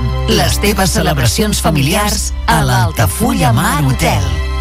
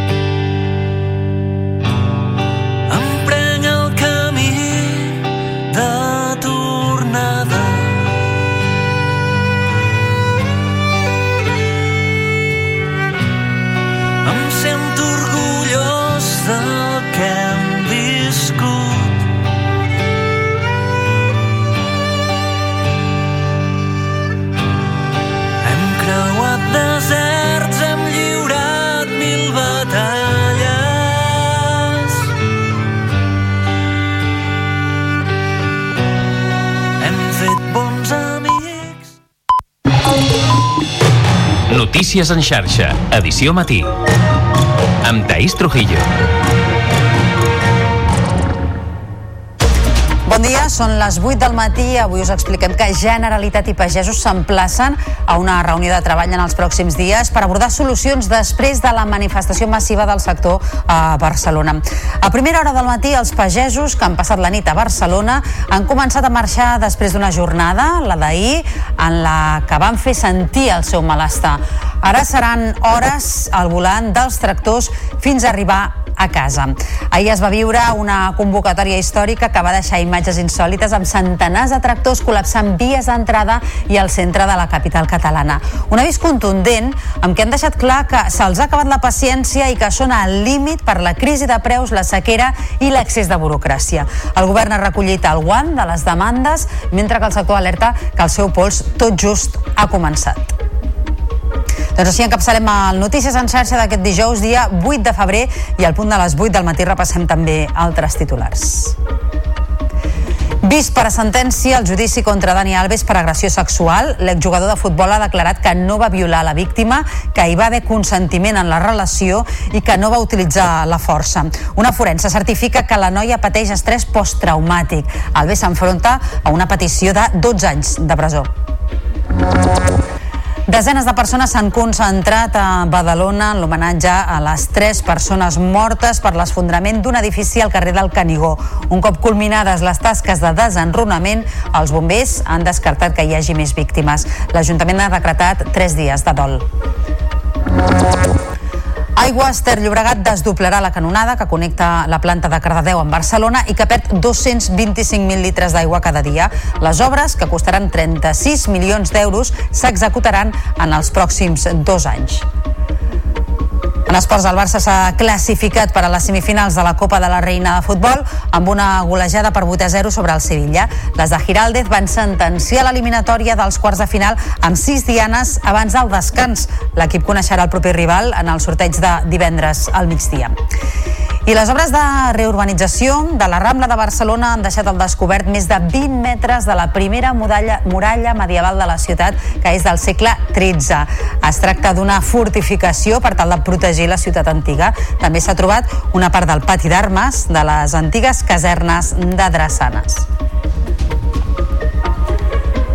Repassats els titulars, ara obrim àrea de serveis. En primer lloc, volem saber com se circula a aquesta hora a les 8 del matí amb la sortida dels tractors de Barcelona per la xarxa viària catalana. Per tant, connectem amb el Servei Català de Trànsit. Roger Serra, molt bon dia. Hola, bon dia. Doncs la veritat és que encara parlem de problemes Aquests manifestants encara són a l'Avinguda Diagonal, just quan la B23 enllaça amb l'Avinguda Diagonal, i de fet ara amb la, la mateixa B23 d'entrada a Barcelona la tenim tallada, la circulació a la zona d'Esplugues de Llobregat. S'està mirant si els vehicles els desvien cap al lateral de l'Avinguda Diagonal o bé ja directament cap a la Ronda de Dalt. Tot plegat complica el trànsit a l'extrem sud de Barcelona. Estem parlant d'aturades a la B23 gairebé des de Molins de Rei fins a l'Avinguda Diagonal, però és que també presenta problemes l'autovia A2 en aquesta zona amb retencions també destacades com a mínim des de Pallejà fins a Cornellà de Llobregat. El problema és que a la Ronda de Dalt també hi ha molts problemes. Hi ha hagut un accident a la zona de Sant Gervasi en sentit Besòs i hi ha cua precisament des d'Esplugues fins a Sant Gervasi, això a la Ronda de Dalt de Barcelona, anant cap al nus de la Trinitat en direcció contrària. La mateixa ronda també va molt plena des del mateix nus fins a la sortida dels túnels de Vallidera, uns túnels que també es veuen afectats amb aturades importants d'entrada a Barcelona. Acabem amb un darrer accident, en aquest cas a la C55, a la zona de Castellbell i el Vilar, hi ha aturades importants ara mateix en aquesta C55 d'uns 4-5 quilòmetres en aquest tram i en sentit sud, en sentit Abrera. Ara sí és tot des del Servei Català de Trànsit. Doncs eh, déu nhi les complicacions del trànsit. Anem ara amb la previsió del temps i amb el Lluís Miquel Pérez. Eh, molt bon dia, com ho tenim? Bon dia, Taís. Doncs almenys la meteorologia serà més tranquil·la avui al nostre país. Sí que aquest matí ha començat ja més suau, una temperatura que no és tan baixa com la d'ahir. Aquesta pujada tèrmica s'ha sentit sobretot i s'està sentint a les comarques de Girona i la costa i prelitoral. I també aquest matí encara es fa el ronso alguna boira o boirina a les comarques de Ponent, també arribant fins a la banda de la Noguera, dels, eh, del Solsonès, de la Sagarra, del Pallars Jussà, però seran boires que es desfaran al voltant del migdia. Començarà a bufar el vent de Garbí i, de fet, aquesta tarda és el que més hem de destacar de la previsió a gran part de les comarques de Girona, un vent bastant insistent del sud-oest que farà pujar la temperatura. La tarda serà molt primaveral. La boira de Lleida marxarà, però arribaran núvols per l'Aragó que acabaran deixant el cel més tapat a últimes hores de la tarda amb algun plogim o nevadeta cap als 1.600 metres. I demà estarem d'enhorabona perquè plourà moltes comarques. Per bé que Taís estarem parlant així de clar de pluges de pa sucat amb oli, però alguna cosa sí que caurà. N'estarem pendents a la xarxa? Notícies en xarxa, edició matí. Pagesos i Generalitat s'emplacen a una reunió de treball d'aquí a 10 o 15 dies per buscar respostes a les reivindicacions que han culminat amb una manifestació històrica a Barcelona. El sector primari ha deixat clar que el seu crit d'alerta no s'acaba aquí i que seguirà lluitant per unes condicions dignes que garanteixin la supervivència de la seva activitat. És una crònica de Lluís Mata. Centenars d'agricultors i ramaders vinguts d'arreu del país han culminat així una mobilització massiva que ha deixat imatges insòlites de tractors col·lapsant entrades principals com l'Avinguda de la Meridiana i la Diagonal fins al cor de la ciutat. Una jornada de lluita després de talls viaris per deixar clar que la paciència se'ls ha acabat, que no poden més amb la crisi de preus, la factura de la sequera i la burocràcia excessiva que els allunya dels camps i granges on s'hi juguen el pa. La protesta que ha desembocat a la plaça de Sant Jaume ha anat precedida de la reunió entre els representants dels pagesos, el president de la Generalitat Pere Aragonès i el conseller d'Acció Climàtica David Mascort, d'on n'han sortit compromisos. La pagesia del nostre país eh, ha fet sentir la seva veu, ha estat un clam eh, unànim les seves reivindicacions i el país s'ha girat a mirar-los. Les seves reivindicacions són les nostres i decideixin com volen fer per trobar-nos eh, la propera setmana o en 10 dies per fer una anàlisi de totes aquestes propostes, de, una anàlisi concreta. Després d'una jornada extenuant de mobilitzacions, un gruix important dels pagesos decidia emprendre el camí de retorn per atendre les seves explotacions, mentre altres, vinguts de punts més allunyats com les Terres de l'Ebre, han fet nit a la ciutat. La minoria de pagesos i ramaders que han fet nit a Barcelona ja han començat a aquesta hora a fer via de retorn cap a casa seva. Fins a l'Avinguda Diagonal hi hem enviat un equip de la xarxa amb Marina López i Helena Puigdueta. Helena, molt bon dia. Com està ara la situació? Hola, molt bon dia. Doncs ja ho veieu, eh? La Diagonal torna a ser la gran avinguda urbanita de sempre. Eh, com bé deies, els pocs més de 200 pagesos i ramaders, els més indignats que han decidit fer nit a Barcelona, doncs han replegat veles entre dos i tres quarts de vuit cap a les seves explotacions. De fet, si us hi fixeu, al fons de l'Avinguda Diagonal, el que us està ensenyant ara mateix la Marina, s'intueixen de fons aquests tractors amb els llums aquests que fan pampallons bellugues i que per tant doncs, van encaminant això, camí cap a les seves explotacions. De nou al dia a dia han marxat cansats i desencisats per tal com han anat les coses. Consideren que el pols demostrat aquest 6F s'havia d'haver aguantat unes hores més per arrencar un compromís més en ferm de l'administració. Genís Fontanet és pagès del Vinyana. Bueno, doncs que ahir el president ens hagués donat alguna solució, algun inici de solució, però pel que veiem, de moment, tot segueix igual. Estem igual d'enfadats, igual d'indignats amb la burocràcia, amb els preus i amb tot plegat. Doncs caldrà veure si a partir d'ara, doncs, a partir d'aquesta reunió que està de convocar d'aquí 10 o 15 dies amb el conseller d'Acció Climàtica serveix per tornar a unir aquestes forces o senzillament dividir-les encara més. Helena Puigtueta, Marina López, companyes de la xarxa, gràcies per aquesta connexió en directe des de la Diagonal de Barcelona. Molt bon dia i algunes de les reivindicacions del sector s'han fet visibles també a la Fira de Berlín, una de les més importants del món agrari on la fruita catalana hi és present. Les marques i empreses representades demanen que s'actualitzin els tractats europeus i tenir les mateixes condicions a l'hora d'exportar a tercers països. Igualment plantegen que els productes que entren a Catalunya compleixin els mateixos requisits que a ells se'ls exigeixen. Albert Carnisser és comercial de Copa Fresh, una agrupació d'un centenar de productors de fruita a Lleida juguem al joc de la globalització i juguem per el que ens va bé i per el que ens va malament. Nosaltres som una empresa exportadora i per tant necessitem vendre a d'altres països i que el comerç internacional funcioni. Però és veritat que per vendre a molts països eh, hi ha unes exigències, hi ha un protocol d'exportació que tu has de complir, uns requisits fitosanitaris, uns requisits de qualitat. Doncs abans de rebre els pagesos al Palau de la Generalitat i durant la sessió de control al Parlament, el president Pere Aragonès assegurava que l'executiu està plenament compromès amb la pagesia i anunciava que el mes que ve s'obrirà una finestra única pel sector que els estalviarà temps i tràmits el que és la reducció dels tràmits burocràtics. Hi ha molts que són de normativa, directives, lleis de l'Estat que no depenen de nosaltres, però en el nostre àmbit actuem. I doncs, en aquest primer trimestre de l'any es posarà en marxa el portal únic de relació entre el pagès, la pagesa i l'administració de la Generalitat que recollirà tots els tràmits i que permetrà doncs, que estalviar molt de temps en carregar documents diverses vegades com és el cas. No? I per tant aquestes són un exemple de mesures que el govern està plenament compromès amb la pagesia del nostre país.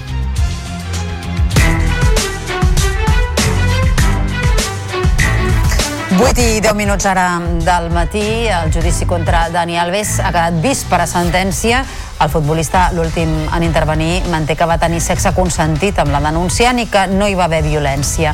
En una declaració de poc més de 20 minuts en què només va contestar la seva advocada, Alves va dir també que en cap moment va notar que les noies estiguessin incòmodes i que aquell dia va veure bastant alcohol. Malgrat tot, dues pèrites psicològiques contractades pel mateix Alves consideren que era conscient en tot moment del que estava passant i sabia diferenciar entre el bé i el mal. La Fiscalia i l'acusació mantenen les peticions sancions de 9 i 12 anys de presó. La defensa es manté en l'absolució, però diu que acceptaria un any de presó que ja ha complert i una indemnització de 50.000 euros. I els bombers van completar ahir el desenrunament dels gairebé 90 metres cúbics de runa acumulats després del col·lapse de l'edifici de Badalona i van descartar la presència de més víctimes a banda dels tres cossos recuperats sota la runa. I d'altra banda, a l'Ajuntament de la ciutat es van fer 5 minuts de silenci en homenatge a les tres víctimes mortals. Ens ho explica el Joan Ferrer. Els veïns afectats de l'edifici esfondrat van poder accedir ahir a la tarda a les restes dels habitatges per agafar les seves pertinences. Ho van fer un per un i acompanyats d'efectius de bombers i Mossos d'Esquadra per garantir en tot moment la seva seguretat. Tot plegat mentre a la plaça de la Vila es va fer un acte d'homenatge a les tres víctimes mortals. S'hi van fer 5 minuts de silenci que van aplegar unes 200 persones entre veïns, autoritats i grups municipals. Des d'allà, l'alcalde de Badalona, Xavier García Albiol, va recordar el compromís de la ciutat amb les famílies afectades i va garantir el suport habitacional i jurídic per part de l'Ajuntament. Signaré un decret eh, per poder doncs, dur a terme accions d'urgència i poder atendre des d'un punt de vista de l'habitatge provisionalment durant unes setmanes a qui li faci falta i també doncs, oferir un servei que, que crec que és important, que no ens pertoca però que, que penso que és necessari que és el contractar un servei jurídic, uns advocats perquè atengui aquestes famílies El Biol també va assegurar que des d'ahir a la tarda tècnics municipals d'urbanisme estan analitzant les possibles causes de l'esfondrament. Les hipòtesis inicials apuntarien a mancances estructurals a la teulada de l'àtic.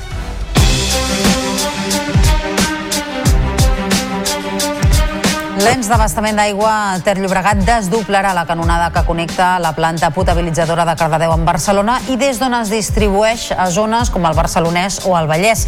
L'obra permetrà abordar les mancances de la infraestructura que a dia d'avui perd grans quantitats d'aigua en el seu traçat, concretament uns 225.000 litres diaris. És una crònica de la Maria López des de TV Cardedeu. La reparació d'aquesta conducció està supeditada a la construcció del seu desdoblament, que funcionarà com una alternativa per seguir transportant els cabals necessaris per al subministrament d'aigua a la població. Per aquesta canonada hi passen 4.000 litres cada segon i en perdem dos. Eh? Per tant, jo entenc que el concepte de 2 litres per segon pot semblar un, un, una dimensió molt important, però és que n'hi passen 4.000. Per tant, la pèrdua és d'un 0,0002%. Eh? David Vila s'ha reunit amb els alcaldes dels municipis que actualment es veuen afectats per l'aigua de fuita per explicar-los el projecte de reparació i que requereix del desdoblament de la canonada. Una obra que té previst la seva licitació durant el primer trimestre d'enguany i la seva execució a partir del proper mes de setembre i durant dos anys. Les obres de desdoblament es van iniciar ja entre els anys 2003 i 2009, on es van dur a terme les obres en tres dels quatre trams previstos. L'any 2009, però, la situació econòmica va impedir finalitzar el tram final de l'obra, que s'ha quedat sense executar durant 15 anys.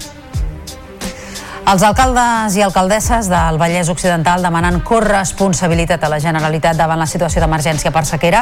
Han fet públic que s'han sentit sols i amb pocs recursos per fer complir les restriccions i ho han fet amb una declaració conjunta. També demanen poder reomplir les piscines municipals a l'estiu.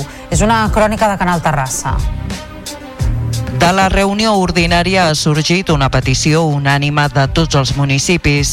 Demanen a la Generalitat un espai de diàleg estable per coordinar i consensuar accions. Els ajuntaments, que som l'administració més propera als ciutadans, que som els que al final hem d'acabar supervisant, no? controlant no? l'execució d'aquestes mesures, ens hem trobat sols a l'hora de mm, que el govern confiés en nosaltres a l'hora de prendre determinades decisions. Ballar també ha demanat al govern que aquest estiu les piscines municipals es puguin obrir. Les piscines són un espai de refugi climàtic molt important, que a més a més tenen una funció social imprescindible, que generen igualtat d'oportunitats, que fa que moltes famílies, especialment famílies vulnerables, probablement sigui l'única activitat que puguin fer a l'estiu. El Consell d'Alcaldies demana a la Generalitat més diàleg i cooperació, però també més inversions, planificació, ajudes o subvencions als ens locals per augmentar l'aigua regenerada, optimitzar la xarxa i reparar les canonades i indemnitzacions als diferents sectors econòmics perjudicats. I ara ens situem a la platja Sant Sebastià de Sitges, on s'establirà una monitorització de les dinàmiques del litoral per tal d'estudiar els elements que fa que aquesta platja guanyi o perdi sorra durant l'any. Això ho han consensuat els participants de la taula de gestió del litoral. Ens ho expliquen els companys de Canal Blau.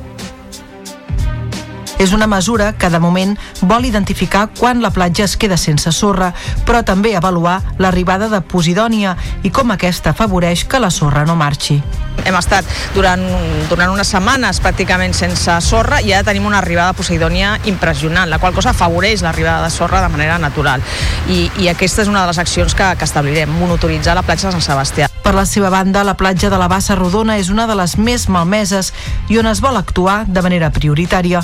Els darrers temporals han trencat els blocs de formigó que cobrien l'antic col·lector d'aigües residuals. Ara el primer pas és retirar-los i ja es treballa amb el servei del litoral per fer-ho. Una acció que s'ha parlat a la taula és en retirar el mur del passeig, que en aquella zona està més avançat, així com fer possibles aportacions de sorra. Aquestes opcions no satisfan a totes les parts. En el que sí que estan d'acord és que s'ha d'actuar de manera urgent. Notícies en xarxa. Tota la informació al teu abast. El Parlament Europeu votarà avui una resolució perquè s'investiguin els suposats vincles entre l'independentisme català i Rússia. L'Eurocambra vol expressar així la seva extrema preocupació per les informacions relatives al cas Volhov i els intents del Kremlin de desestabilitzar la Unió Europea. El text que es votarà, pactat per les forces majoritàries de l'Eurocambra, reconeix que la interferència russa a Catalunya està per confirmar, però apunta a una estratègia més àmplia per part de Moscou per promoure les divisions internes dins els 27. El document fa una crida a investigar les presumptes connexions dels eurodiputats associats amb el Kremlin. I la vicepresidenta segona del govern espanyol, Yolanda Díaz, ha expressat els seus dubtes sobre la proposta del president Pedro Sánchez de modificar la llei d'enjudiciament criminal per tal de limitar la capacitat dels jutges de prorrogar les instruccions. Sánchez va presentar la proposta per apropar Junts al sí a la llei d'amnistia. És una llei que segueix enfrontant socialistes i populars. Durant la sessió de control al Congrés, Sánchez va acusar el PP d'atiar la confrontació amb Catalunya. El president va fer referència a un lapsus del líder del PP que va confondre el gas metà amb el metanol, el nom tècnic de l'alcohol de cremar. Señor Sánchez, ahora que todo el mundo sabe que usted sin Puigdemont no es nadie, ya veo que ahora ya no se ríe como se reía en otoño, ¿es consciente realmente de la realidad de su gobierno? Muchas gracias. Señor eh, Feijó, como ya sé por dónde va y, además eh, se ha descubierto como un experto en química orgánica, le recordaré que uno de los principales usos eh, del metanol es el disolvente. Y quizá de ahí le vengan a ustedes eh, la falta de argumentos durante todos estos años. Miren, ustedes llevan cinco años y medio hablando de que España se humilla, España se rompe, España se hunde y la realidad es completamente distinta.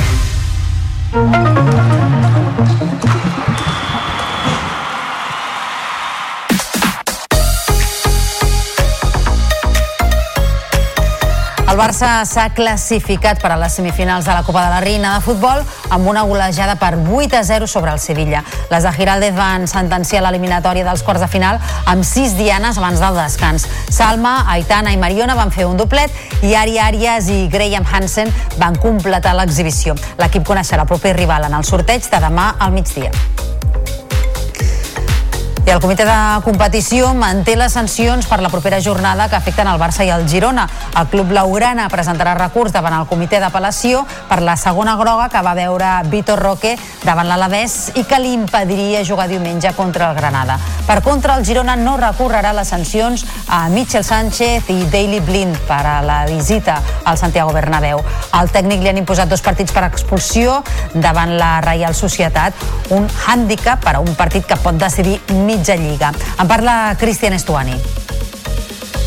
jugar eh, contra, contra Real Madrid en su campo eh, para intentar arrebatarle el liderato, eh, la verdad que eso para nosotros es, eh, es más que una, una motivación, ¿no? sino que es un partido especial. Eh, tener a nuestro entrenador en el Bernabéu es súper importante. No va a ser así, o al menos de momento, y a Daily también, es una, es una baja para nosotros considerable, pero bueno, creemos que, con los jugadores que, que están disponibles, que, que van a poder llegar en buenas condiciones, vamos a tener herramientas suficientes. Desfeta del joventut a la pista del Prometei a l'Eurocup de bàsquet va caure per 94 a 80 tot i haver dominat fins al darrer quart. En l'últim període, però, un parcial de 36 a 9 va decidir el partit per als ucraïnesos. Amb la derrota, la penya perd el factor pista per als vuitens de final en què s'enfrontarà a l'Ulm alemany. I més qüestions eh, esportives. El Vilassana ha estat l'únic català en obtenir la victòria en els partits avançats a la quinzena jornada de l'Hockey Lliga. Les lleidatanes van guanyar per 1-4 a la pista de les Rozas. I això que van ser les madrilenyes les que es van avançar al primer minut del partit. Però de seguida Victòria Porta va fer l'empat i abans del descans Silva capgirava el marcador. Ja al segon temps, Agudo i un altre cop Silva completaven el triomf del Vilassana que li permet mantenir la segona posició posició a la classificació, a 3 punts del Palau, i ha empatat amb el Telecable, que es va imposar per 6 a 2 al Voltregà. El Manlleu va perdre per 5 a 3 a la pista del Corunya. Les usonenques es van avançar amb un gol de Joana Comas i el partit es va mantenir igualat fins al segon temps, quan les locals van obrir forat. La derrota fa que les manlleuenques perdin posicions en benefici de les gallegues i caiguin a la sisena posició. També va perdre el Mataró per una 4 davant el Fraga. El domini de les aragoneses va ser total i no va deixar cap opció a l'equip del Maresme. El triomf manté el Fraga fort a la part alta de la taula, mentre que l'equip dirigit per Oriol Perarnau és vuitè.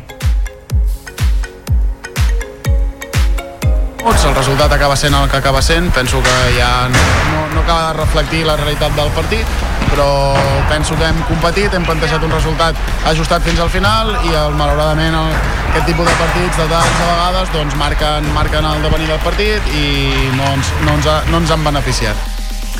I Barcelona continua apostant per la Volta a Catalunya i acollirà el final de la prova durant les properes quatre edicions. L'organització de la cursa i l'Ajuntament han signat un acord fins al 2027, a més d'incloure també per aquest any el final de la primera edició de la prova femenina per etapes. El director de la prova, Rubén Peris, i el regidor d'Esports de Barcelona, David Escudé, valoren l'acord. La propera edició que farem el mes vinent serà l'edició 103 i a les 102 anteriors Barcelona sempre ha sigut principi o final d'alguna etapa i per tant estem molt lligats i molt agraïts a la resposta que tenim per part de l'Ajuntament. Hem volgut fer un esforç important perquè això sigui possible, per dignificar, evidentment, l'esport femení i per posar de relleu, de nou, la importància del ciclisme al nostre país, a la nostra ciutat, i de l'esport femení Nova medalla catalana natació artística als Mundials de Natació de Doha. Denis González es va penjar la plata en la prova de solo lliure.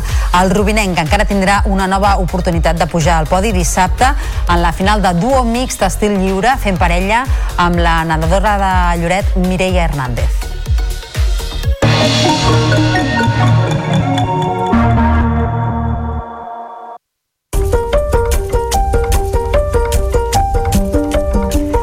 Les obres de reurbanització de la Rambla de Barcelona han deixat al descobert nombroses restes arqueològiques. Al tram baix eh, de la Rambla, on van començar les obres, han estat localitzats 20 metres de la primera muralla medieval del segle XIII. Es tracta d'una fortificació que recorria tot el que avui és la Rambla fins a arribar a Colom per protegir la ciutat antiga. També s'ha trobat una part del pati d'armes de les antigues casernes de Drassanes que en aquest cas del segle XVIII. Xavier Maés Messi, del Servei Arqueològic de l'Ajuntament de Barcelona, explica la importància de la troballa, tot i que ara les restes es catalogaran i es taparan. És la muralla medieval original que tancava la ciutat, el barri gòtic per la Rambla, permetia defensar la ciutat en el seu moment, perquè el segle XII-XI havia una muralla de fusta. Aquesta muralla es va construir per motius defensius i va permetre protegir millor la ciutat. Avui comença el primer mot amb el seu acte central a Girona i el dia 22 continuaran a Olot. El primer mot és l'avançala del Festival Mot, una iniciativa per acostar la literatura als petits i joves amb tallers, trobades i activitats programades fins al mes d'abril. Ens ho explica el Pere Ubach, d'Olot TV. En aquest context s'organitzen el Mot Escoles i el Mot Instituts, cada un amb el seu públic objectiu. En el marc del Mot Instituts hi haurà una xerrada a càrrec de la il·lustradora Clara Noviola, acompanyada de l'actriu Meritxell Llanes. I també es realitzaran tallers de creació poètica, de literatura eròtica i del poder creatiu del xat GPT-3. En parla la directora del Festival Mot a Olot, Judit Badia. Precisament volem fer aquest canvi de, de paradigma, no? una mica, doncs sí, existeix el xat GPT i ens pot servir per moltes coses, doncs que ens serveixi també també per acostar la literatura a aquestes edats. No? Les noves tecnologies sempre semblen d'entrada que ens puguin anar en contra. No? Doncs no, agafem-hi fem-hi la volta i aconseguim que aquestes mateixes noves tecnologies doncs, ens ajudin a promocionar el, els temes més clàssics de sempre, no? des de, en aquest cas, la literatura. A part, per acostar la literatura als carrers i sota el paraigua del Festival Mot, s'organitza el Mes Mot. Aquest altre vessant implica entitats i associacions i des de l'organització del festival asseguren que cada vegada se n'hi sumen més. I els visitants i peregrins que visiten aquests dies al monestir de Montserrat es trobaran alguns espais tancats i en obres. I és que l'abadia s'està renovant i posant al dia per celebrar a partir del proper mes de setembre el seu mil·lenari. Aquestes setmanes d'hivern són la millor època per fer treballs de renovació abans de l'arribada de la Setmana Santa i també de la celebració a l'abril de la Mare de Déu de Montserrat. Són uns treballs que han d'estar a punt el 8 de setembre, com a molt, que és la data en què començarà la celebració dels mil anys de Montserrat.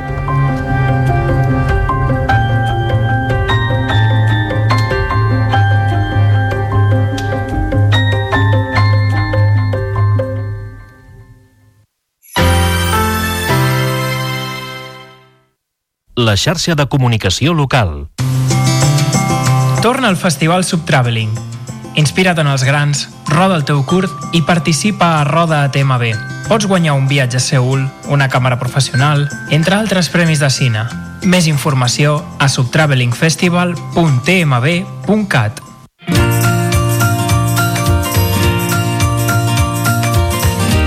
Gent del Som Terra. Soc Marta Pros, sòcia de Germans Pros Mokiwi, empresa que es dedica a la producció i venda exclusiva de kiwi, de la varietat Highward.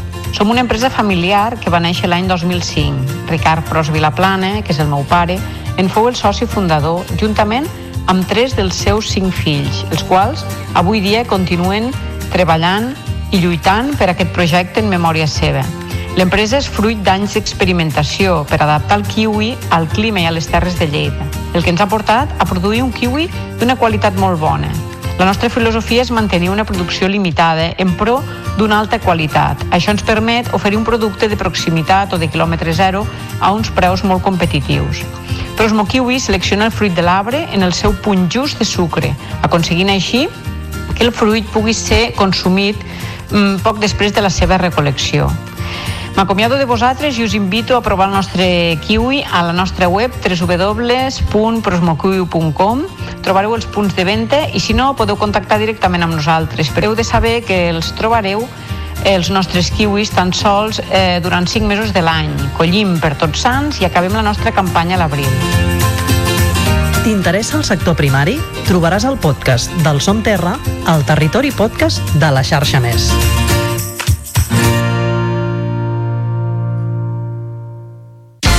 Xarxa de comunicació local.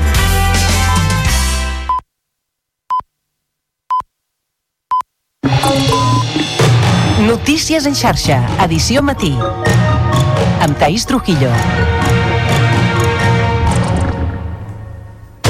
Bon dia, són dos quarts de nou del matí i avui al Notícies en xarxa us estem explicant que Generalitat i pagesos s'emplacen a una reunió de treball en els pròxims dies per tal d'abordar solucions després de la manifestació massiva del sector a Barcelona.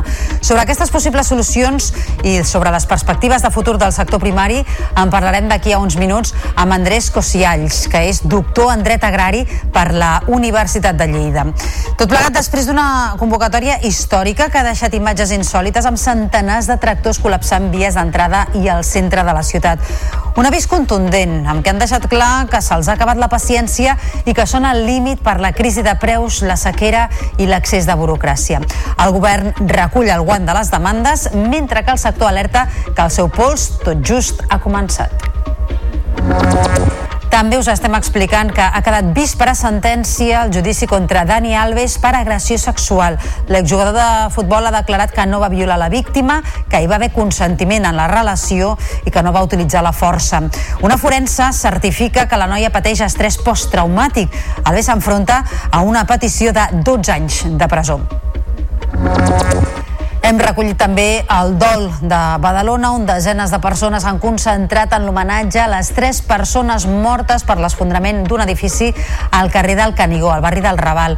Un cop culminades les tasques de desenrunament, els bombers han descartat que hi hagi més víctimes. L'Ajuntament, com dèiem, ha decretat tres dies de dol. I us hem explicat també que Aigües Ter Llobregat desdoblarà la canonada que connecta la planta de Cardedeu amb Barcelona i que perd 225.000 litres d'aigua cada dia. Les obres, que costaran 36 milions d'euros, s'executaran en els propers dos anys. Avui és dijous llarder, primer dia del Carnaval. Antigament marcava l'inici d'una setmana destinada a atipar-se amb àpats prohibits durant la quaresma que comença dimecres de cendre. La tradició diu que avui toca menjar botifarra d'ou, truita i coca de llardons. D'aquí a uns minuts anirem a un forn amb els companys d'Olot TV per veure com es preparen per aquesta jornada de dijous llarder. I en matèria esportiva, el Barça s'ha classificat per a les semifinals de la Copa de la Reina de Futbol amb una golejada per 8 a 0 sobre el Sevilla. Les de Giraldez van sentenciar l'eliminatòria dels quarts de final amb 6 dianes abans del descans. L'equip coneixerà el proper rival en el sorteig de divendres al migdia. I en cultura us expliquem que les obres de reurbanització de la Rambla de Barcelona han deixat al descobert més de 20 metres de la primera muralla medieval de la ciutat del segle XIII. Es tracta d'una fortificació per protegir la ciutat antiga. També s'ha trobat una part del pati d'armes de les antigues casernes de Trassanes. Notícies en xarxa, edició matí. Pagesos i Generalitat s'emplacen a una reunió de treball d'aquí a 10 o 15 dies per buscar respostes a les reivindicacions que han culminat amb una manifestació històrica a Barcelona. El sector primari ha deixat clar que el seu crit d'alerta no s'acaba aquí i que seguirà lluitant per unes condicions dignes que garanteixin la supervivència de la seva activitat. És una crònica de Lluís Mata. Centenars d'agricultors i ramaders vinguts d'arreu del país han culminat així una mobilització massiva que ha deixat imatges insòlites de tractors col·lapsant entrades principals com l'Avinguda de la Meridiana i la Diagonal fins al cor de la ciutat. Una jornada de lluita després de talls viaris per deixar clar que la paciència se'ls ha acabat, que no poden més amb la crisi de preus, la factura de la sequera i la burocràcia excessiva que els allunya dels camps i granges on s'hi juguen el pa.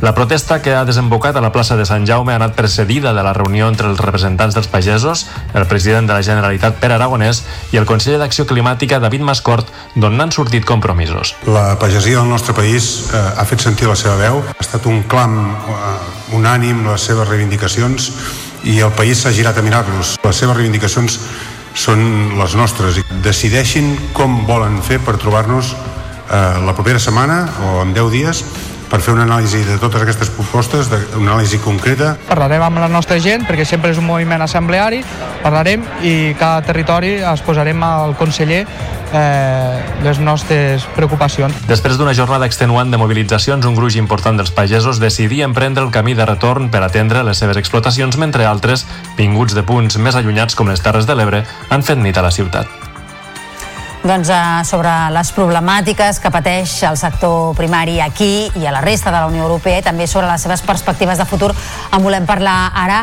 amb Andrés Cosialls, que és doctor en dret agrari per la Universitat de Lleida. Senyor Cosialls, molt bon dia. Hola, bon dia. Molt de gust de poder estar aquí amb vosaltres. Gràcies per atendre'ns. Eh, Quina és la seva visió sobre eh, aquestes reivindicacions, aquestes eh, queixes i protestes dels pagesos, sobretot referides a l'accés de burocràcia? Bé, la veritat és que el, reglament de la PAC últim que ha entrat en vigor sí que suposa un excés de, de burocràcia, d'acord? Es veu ahí eh, un, l'agricultor haurà de treballar en altres coses que no són la seva feina primordial, que és realment eh, crear o aliments, d'acord? I a banda d'aquesta burocràcia que ens trobem, que després m'agradaria entrar una mica més, eh, ens trobem pues, en, un, en un sistema que se diu ecoregims, d'acord? Els ecoregims és una qüestió que s'ha que, que, que s'ha introduït ara, n'hi ha diversos, fins nou, però aquests nou ecoregims no es poden seleccionar per tots els agricultors, perquè uns ecoregims estan destinats als cultius d'arbres, uns altres estan destinats als cultius de, de, de terra de cereal, per exemple, no? Uh -huh. Què són aquests ecoregims? En què consisteixen? Els, els ecoregims, per exemple, un que, puc comentar eh, i, i entendrem és el, el de la rotació, d'acord? S'ha de fer un percentatge en concret de, de terra, de la teva explotació, que s'ha d'anar rotant per diferents espècies o productes, d'acord? Tenint en compte que eh, també has de deixar un percentatge de la teva terra de guaret, eh, el que es diu barbecho, guaret. Eh, és el 10%? Sí, un percentatge, un percentatge. Llavors, el problema és el següent. Aquest terreny no produeix res d'acord? I una altra de les hojilles, diguéssim, de les quatre porcions que has de deixar de la teva explotació, eh, s'ha de sembrar d'espècies millorants. D'acord? Aquestes espècies millorants són leguminoses que el que fan és, teòricament, els, eh, aportar nitrogen a al terreny. Però què ocorre? Que si després de tu haver sembrat aquesta, aquestes espècies millorants en aquella finca eh, ve una sequera, i tu dius, és que aquest terreny, si no plou, encara que sembri, no recolliré res. M'agradaria deixar-ho de guaret. No ho pots fer. Perquè tens l'obligació, després d'haver sembrat allí, eh, de cultivar alguna cosa. No pots deixar-ho de guaret. D'acord? Un altre dels problemes que pot haver-hi és mm, si, si idealment fos una finca quadrada amb una extensió concreta, doncs tu podries fer una divisió, d'acord? I podries anar movent, però això no ocorre. El que ocorre és que cada pagès té una sèrie de finques que no són, no són equivalents i llavors dins d'una mateixa finca l'ha de dividir per poder fer aquesta rotació. Aquesta rotació implica que l'any passat no pots cultivar el mateix que l'any següent. Uh -huh. D'acord? El que ocorre també és que quan tu fas aquest tipus de rotació has d'utilitzar una maquinària diferent és a dir, amb totes aquestes eh, normatives de la PAC, de la política agrària comuna, s'està d'alguna manera, eh, diria vostè, posant en, en perill o perjudicant el sector primari quan l'objectiu inicial de la PAC era totalment l'oposat?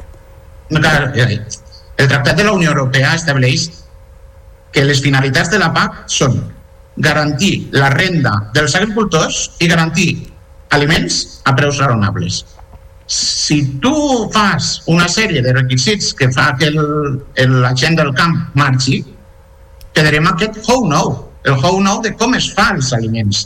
Hi ha poca gent que sàpiga com fer els aliments, d'acord? Què, què passa? Tu pots fiar-ho tot a eh, el que et venen del, de l'estranger, però el que, fas, el que passa llavors és que perds sobirania alimentària.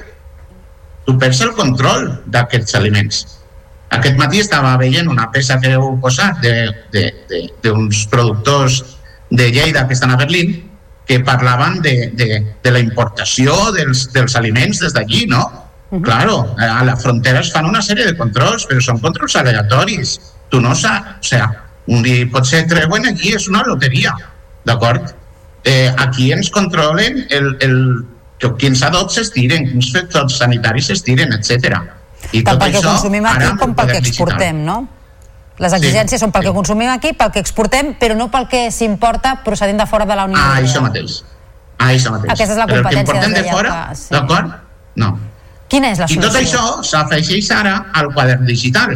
El, el quadern digital és, és una gran innovació que hi ha hagut ara amb, amb, amb la nova normativa que implica el següent, que el pagès ha d'introduir totes les dades a aquest quadern digital. I jo, pues, eh, pensant-hi, estem davant una gran eina de Big Data que tindrà el, el, el, el govern o les autoritats que podrà utilitzar amb la intel·ligència artificial. I podran veure a nivell del país quan s'ha sembrat un producte, quan s'ha tirat l'adob, etc etc etc. Uh -huh. Llavors, i això pot tindre repercussions que ara no sabem. Eh? I ah, més enllà d'aquesta burocràcia... Ser, per exemple, les assegurances agràries. Sí, més enllà també d'aquesta burocràcia de la que parlava ara, es queixen els pagesos de que de vegades han de vendre per sota del eh, preu de producció, del cost de la producció. Sí, sí. Això, en teoria, la llei de la cadena alimentària, que és de la passada legislatura, ho hauria d'evitar. Ara el president Sánchez i el president Aragonès parlen de revisar aquesta norma. Es tracta de fer noves lleis o de fer complir les que ja existeixen? Aquesta és una bona pregunta, perquè la llei de la cadena alimentària ja estableix que no es pot produir a pèrdues, d'acord? Però és que tenim una llei de l'any 1973 que diu que els agricultors han de cultivar la terra de tal manera que sigui rendible per ells. Llavors, ja tenim, tenim un catàleg de, de, de normes i de lleis, per exemple, una de desenvolupament rural, eh, que, de desenvolupament rural sostenible, però el que cal és aplicar-les, no que queden en paper mullat. Perquè aquesta que parlava ara ja fa 30 anys que es va, que es va aprovar. Uh, Andrés sí. Cosiells, avui no tenim més temps, moltíssimes gràcies per aquestes explicacions uh, acadèmiques al voltant de tot el que fa referència al dret agroalimentari. Uh, vostè que és de la Universitat de, de Lleida i que també eh, és una, una zona, un, una demarcació en la que la pagesia hi té molt de protagonisme, ho veiem també aquest matí amb els tractors que tornaven cap a la zona de, de Mollerussa. Gràcies per haver-nos atès aquest matí, molt bon dia. Molt agraït, que vagi bé. Adéu, bon fins la propera. Notícies en xarxa. Tota la informació al teu abast.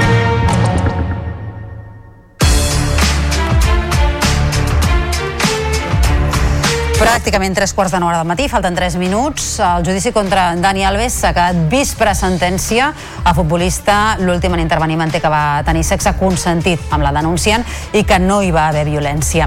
En una declaració de poc més de 20 minuts en què només va contestar la seva advocada, Alves va dir també que en cap moment va notar que les noies estiguessin incòmodes i que aquell dia va veure bastant. Malgrat tot, dues pèrites psicològiques contractades pel mateix Alves consideren que era conscient en tot moment del que estava passant i que sabia diferenciar entre el bé i el mal.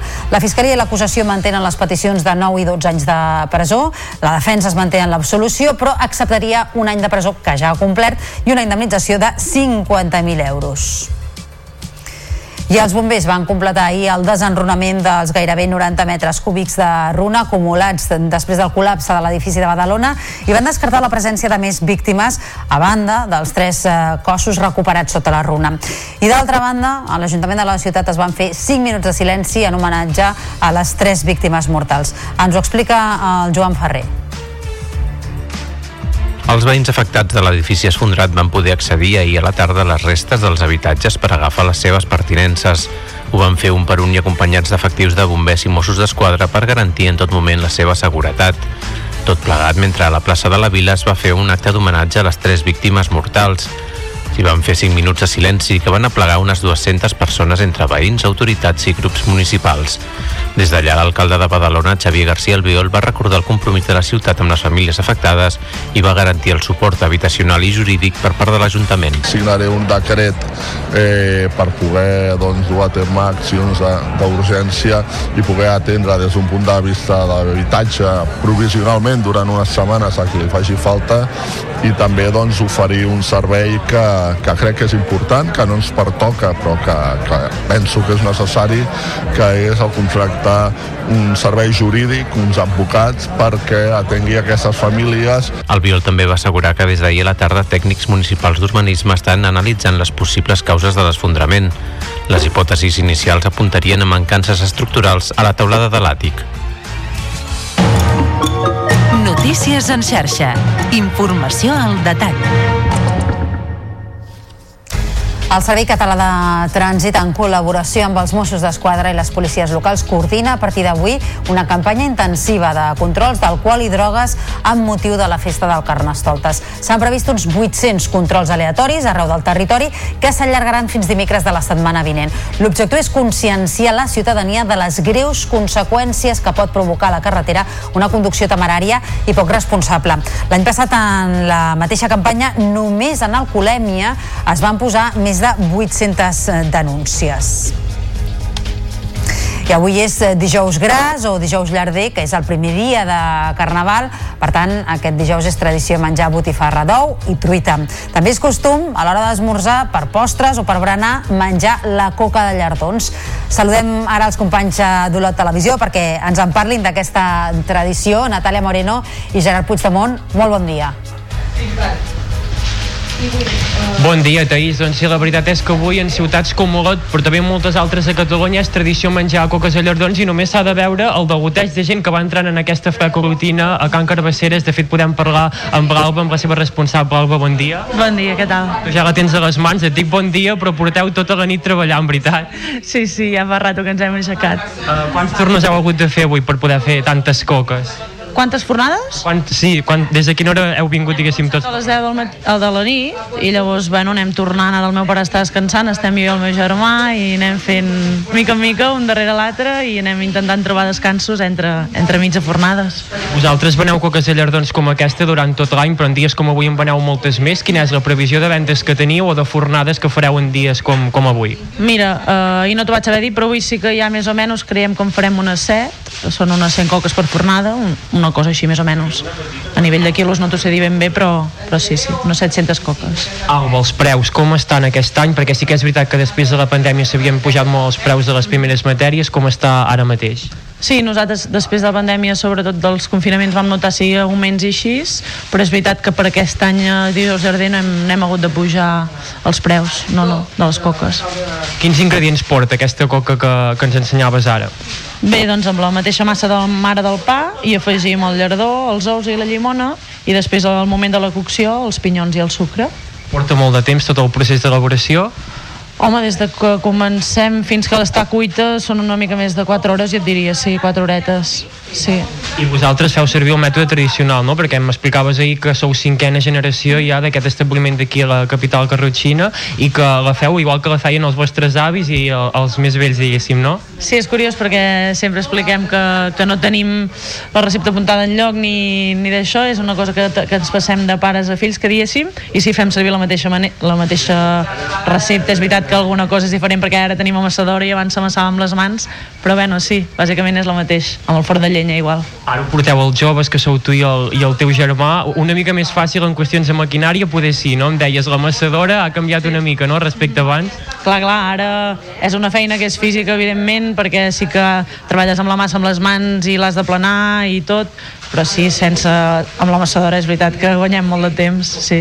Alba, comentaves una cosa molt important, que és el fet que veiem molta gent que està venint a comprar, és veritat, i hi ha gent jove, però és molta la gent gran que en compra, no? i que potser algun dia s'haurà de fer alguna tasca de difusió perquè el jovent s'animi a seguir amb aquestes tradicions. Sí, sí, és una cosa que és una conversa que tenim recorrent amb el meu germà de no sabem què passarà d'aquí 15 anys si seguirem venent tantes coques com avui Uh, suposo que nosaltres confiem molt en els nostres clients que ho traspassen als seus fills i, i bueno, les escoles i tot això se segueix uh, passant però és veritat que notem que no hi ha tanta gent jove. Sí, suposo que és normal, no sé uh, que se celebri més de quan en tens 40 que quan en tens 20 no ho sé, espero que sigui així. Però també deies que fa alegria veure que els grans venen a comprar amb els joves no? que d'alguna manera aquesta ja és una manera de seguir amb la tradició. Sí, correcte, no? que avui celebren el dia tota la família plegats i a l'hora de sopar pues, tothom posarà la botifarra, la coca de llardons i celebraran el dijous llarder, que això és el més important que, que creiem que s'ha de celebrar aquesta diada. Bé, no creiem que s'ha de celebrar, esperem que se celebri. Alba, moltes gràcies i que acabi d'anar bé el dia. Moltes gràcies a vosaltres. Doncs ja ho veuen, són les paraules d'una flaquera d'aquí a la ciutat d'Olot, les coques de llardons que hem d'explicar que són típiques sobretot a les comarques de muntanya, també dels Pirineus i en dies com, com avui se'n venen moltíssimes en establiments com en el que ens trobem aquest matí.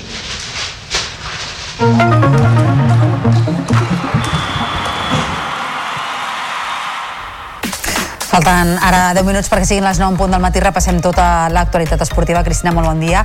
El Barça classificat per les semifinals de la Copa de la Reina de Futbol. Sí, ho ha aconseguit amb una nova exhibició. En aquesta ocasió va ser una victòria per 8 a 0 sobre el Sevilla. Es tracta ja de la màxima golejada registrada a la competició. De fet, les de Jonathan Giraldez ja guanyaven eh, per 6 a 0 abans del descans. Eh, eliminatòria sentenciada amb gols de Salma, Aitana i Mariona, que van fer un doblet, i Ari Arias i Graham Hansen, que van completar el marcador. L'equip coneixerà el proper rival en el sorteig de demà al migdia.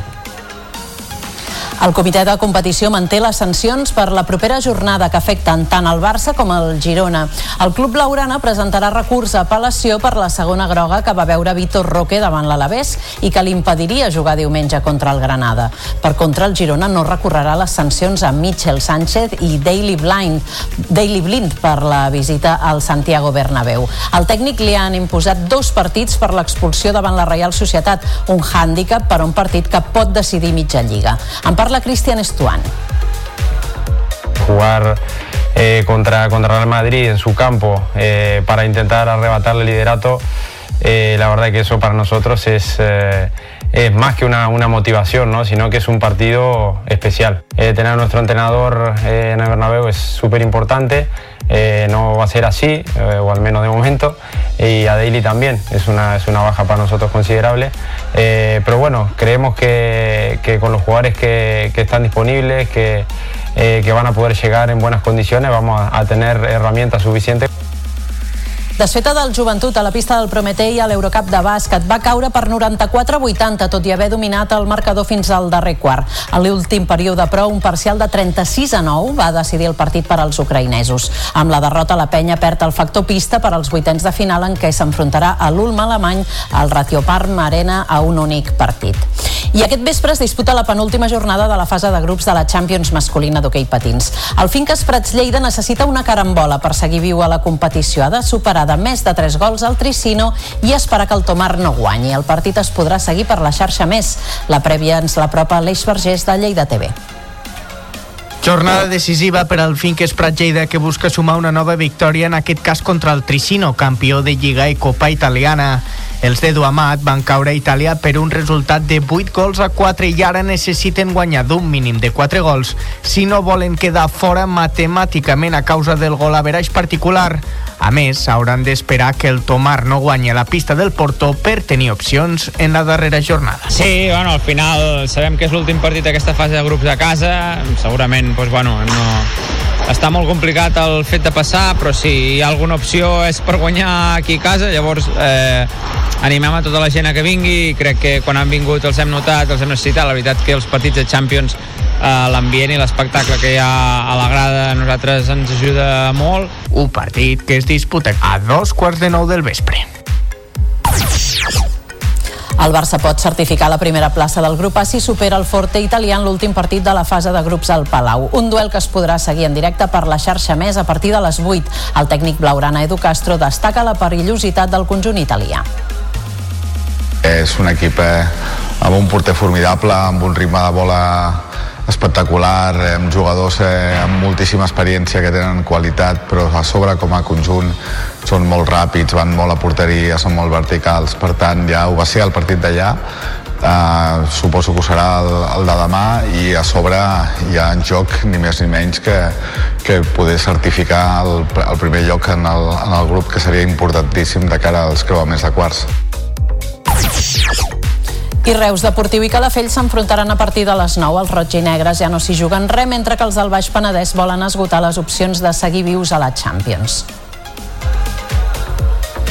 Doncs un bon grapat de compromisos europeus pels equips catalans. Demà sabrem els resultats. Gràcies, Cristina, que vagi bé. Que vagi bé. En Cultura us expliquem que les obres de reurbanització de la Rambla de Barcelona han deixat al descobert nombroses restes arqueològiques. En concret, al tram baix de la Rambla, on van començar les feines, s'ha localitzat 20 metres de la primera muralla medieval del segle XIII. Es tracta d'una fortificació que recorria tot el que avui és la Rambla fins a arribar a Colom per tal de protegir la ciutat antiga. També s'ha trobat una part del pati d'armes de les antigues casernes de Drassanes que data del segle XVIII. Xavier Maese, que és del Servei Arqueològic de l'Ajuntament de Barcelona, explica la importància de la troballa, tot i que ara les restes es catalogaran i es taparan. És la muralla medieval original que tancava la ciutat, el barri gòtic per la Rambla, permetia defensar la ciutat en el seu moment, perquè al segle XII-XI havia una muralla de fusta. A aquesta muralla es va construir per motius defensius i va permetre protegir millor la ciutat. Avui comença el primer mot amb el seu acte central a Girona i el dia 22 continuarà a Olot. El primer mot és l'avançala d'una iniciativa que ha de servir per acostar la literatura als petits i als joves. Ens ho explica el Pere Ubach d'Olot TV. En aquest context s'organitzen el Mot Escoles i el Mot Instituts, cada un amb el seu públic objectiu. En el marc del Mot Instituts hi haurà una xerrada a càrrec de la il·lustradora Clara Noviola, acompanyada de l'actriu Meritxell Llanes. I també es realitzaran tallers de creació poètica de literatura eròtica i del poder creatiu del xat GPT-3. En parla la directora del Festival Mot a Olot, Judit Badia. Precisament volem fer aquest canvi de, de paradigma, no? una mica, doncs sí, existeix el xat GPT i ens pot servir per moltes coses, doncs que ens serveixi també per acostar la literatura a aquestes edats. No? Les noves tecnologies sempre semblen d'entrada que ens puguin anar en contra. No? Doncs no, agafem-hi fem-hi la volta i aconseguim que aquestes mateixes noves tecnologies doncs, ens ajudin a promocionar el, els temes més clàssics de sempre, no? des de, en aquest cas, la literatura. A part, per acostar la literatura als carrers i sota el paraigua del Festival Mot, s'organitza el Més Mot. Aquesta altra vessant implica entitats i associacions i des de l'organització del festival asseguren que cada vegada se n'hi sumen més. Doncs així hem arribat al final del Notícies en xarxa d'aquest dijous, dia 8 de febrer. Tornem demà amb més informació de territori. Que passin una molt bona jornada de dijous llarder. Adéu.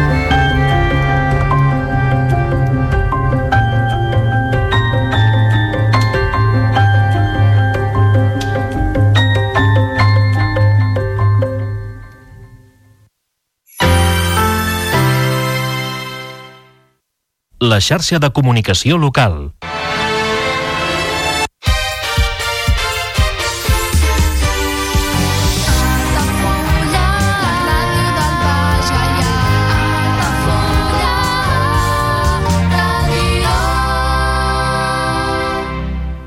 Ja coneixes les propostes que t'ofereix el Club Marítim Altafulla? Vine i descobreix totes les nostres activitats. Sortides en caiac o pa del surf, cursos de vela per a totes les edats. No t'ho perdis. Club Marítim Altafulla. Obert tot l'any i per a tothom. Comunions 2024. Dates ja disponibles amb sales privades, jardí, pàrquing privat i la millor gastronomia. Més informació i reserves al 977 65 11 55 i a comercial arroba altafullamarhotel.com o al web altafullamarhotel.com. Les, Les teves celebracions familiars a l'Altafulla Mar Hotel.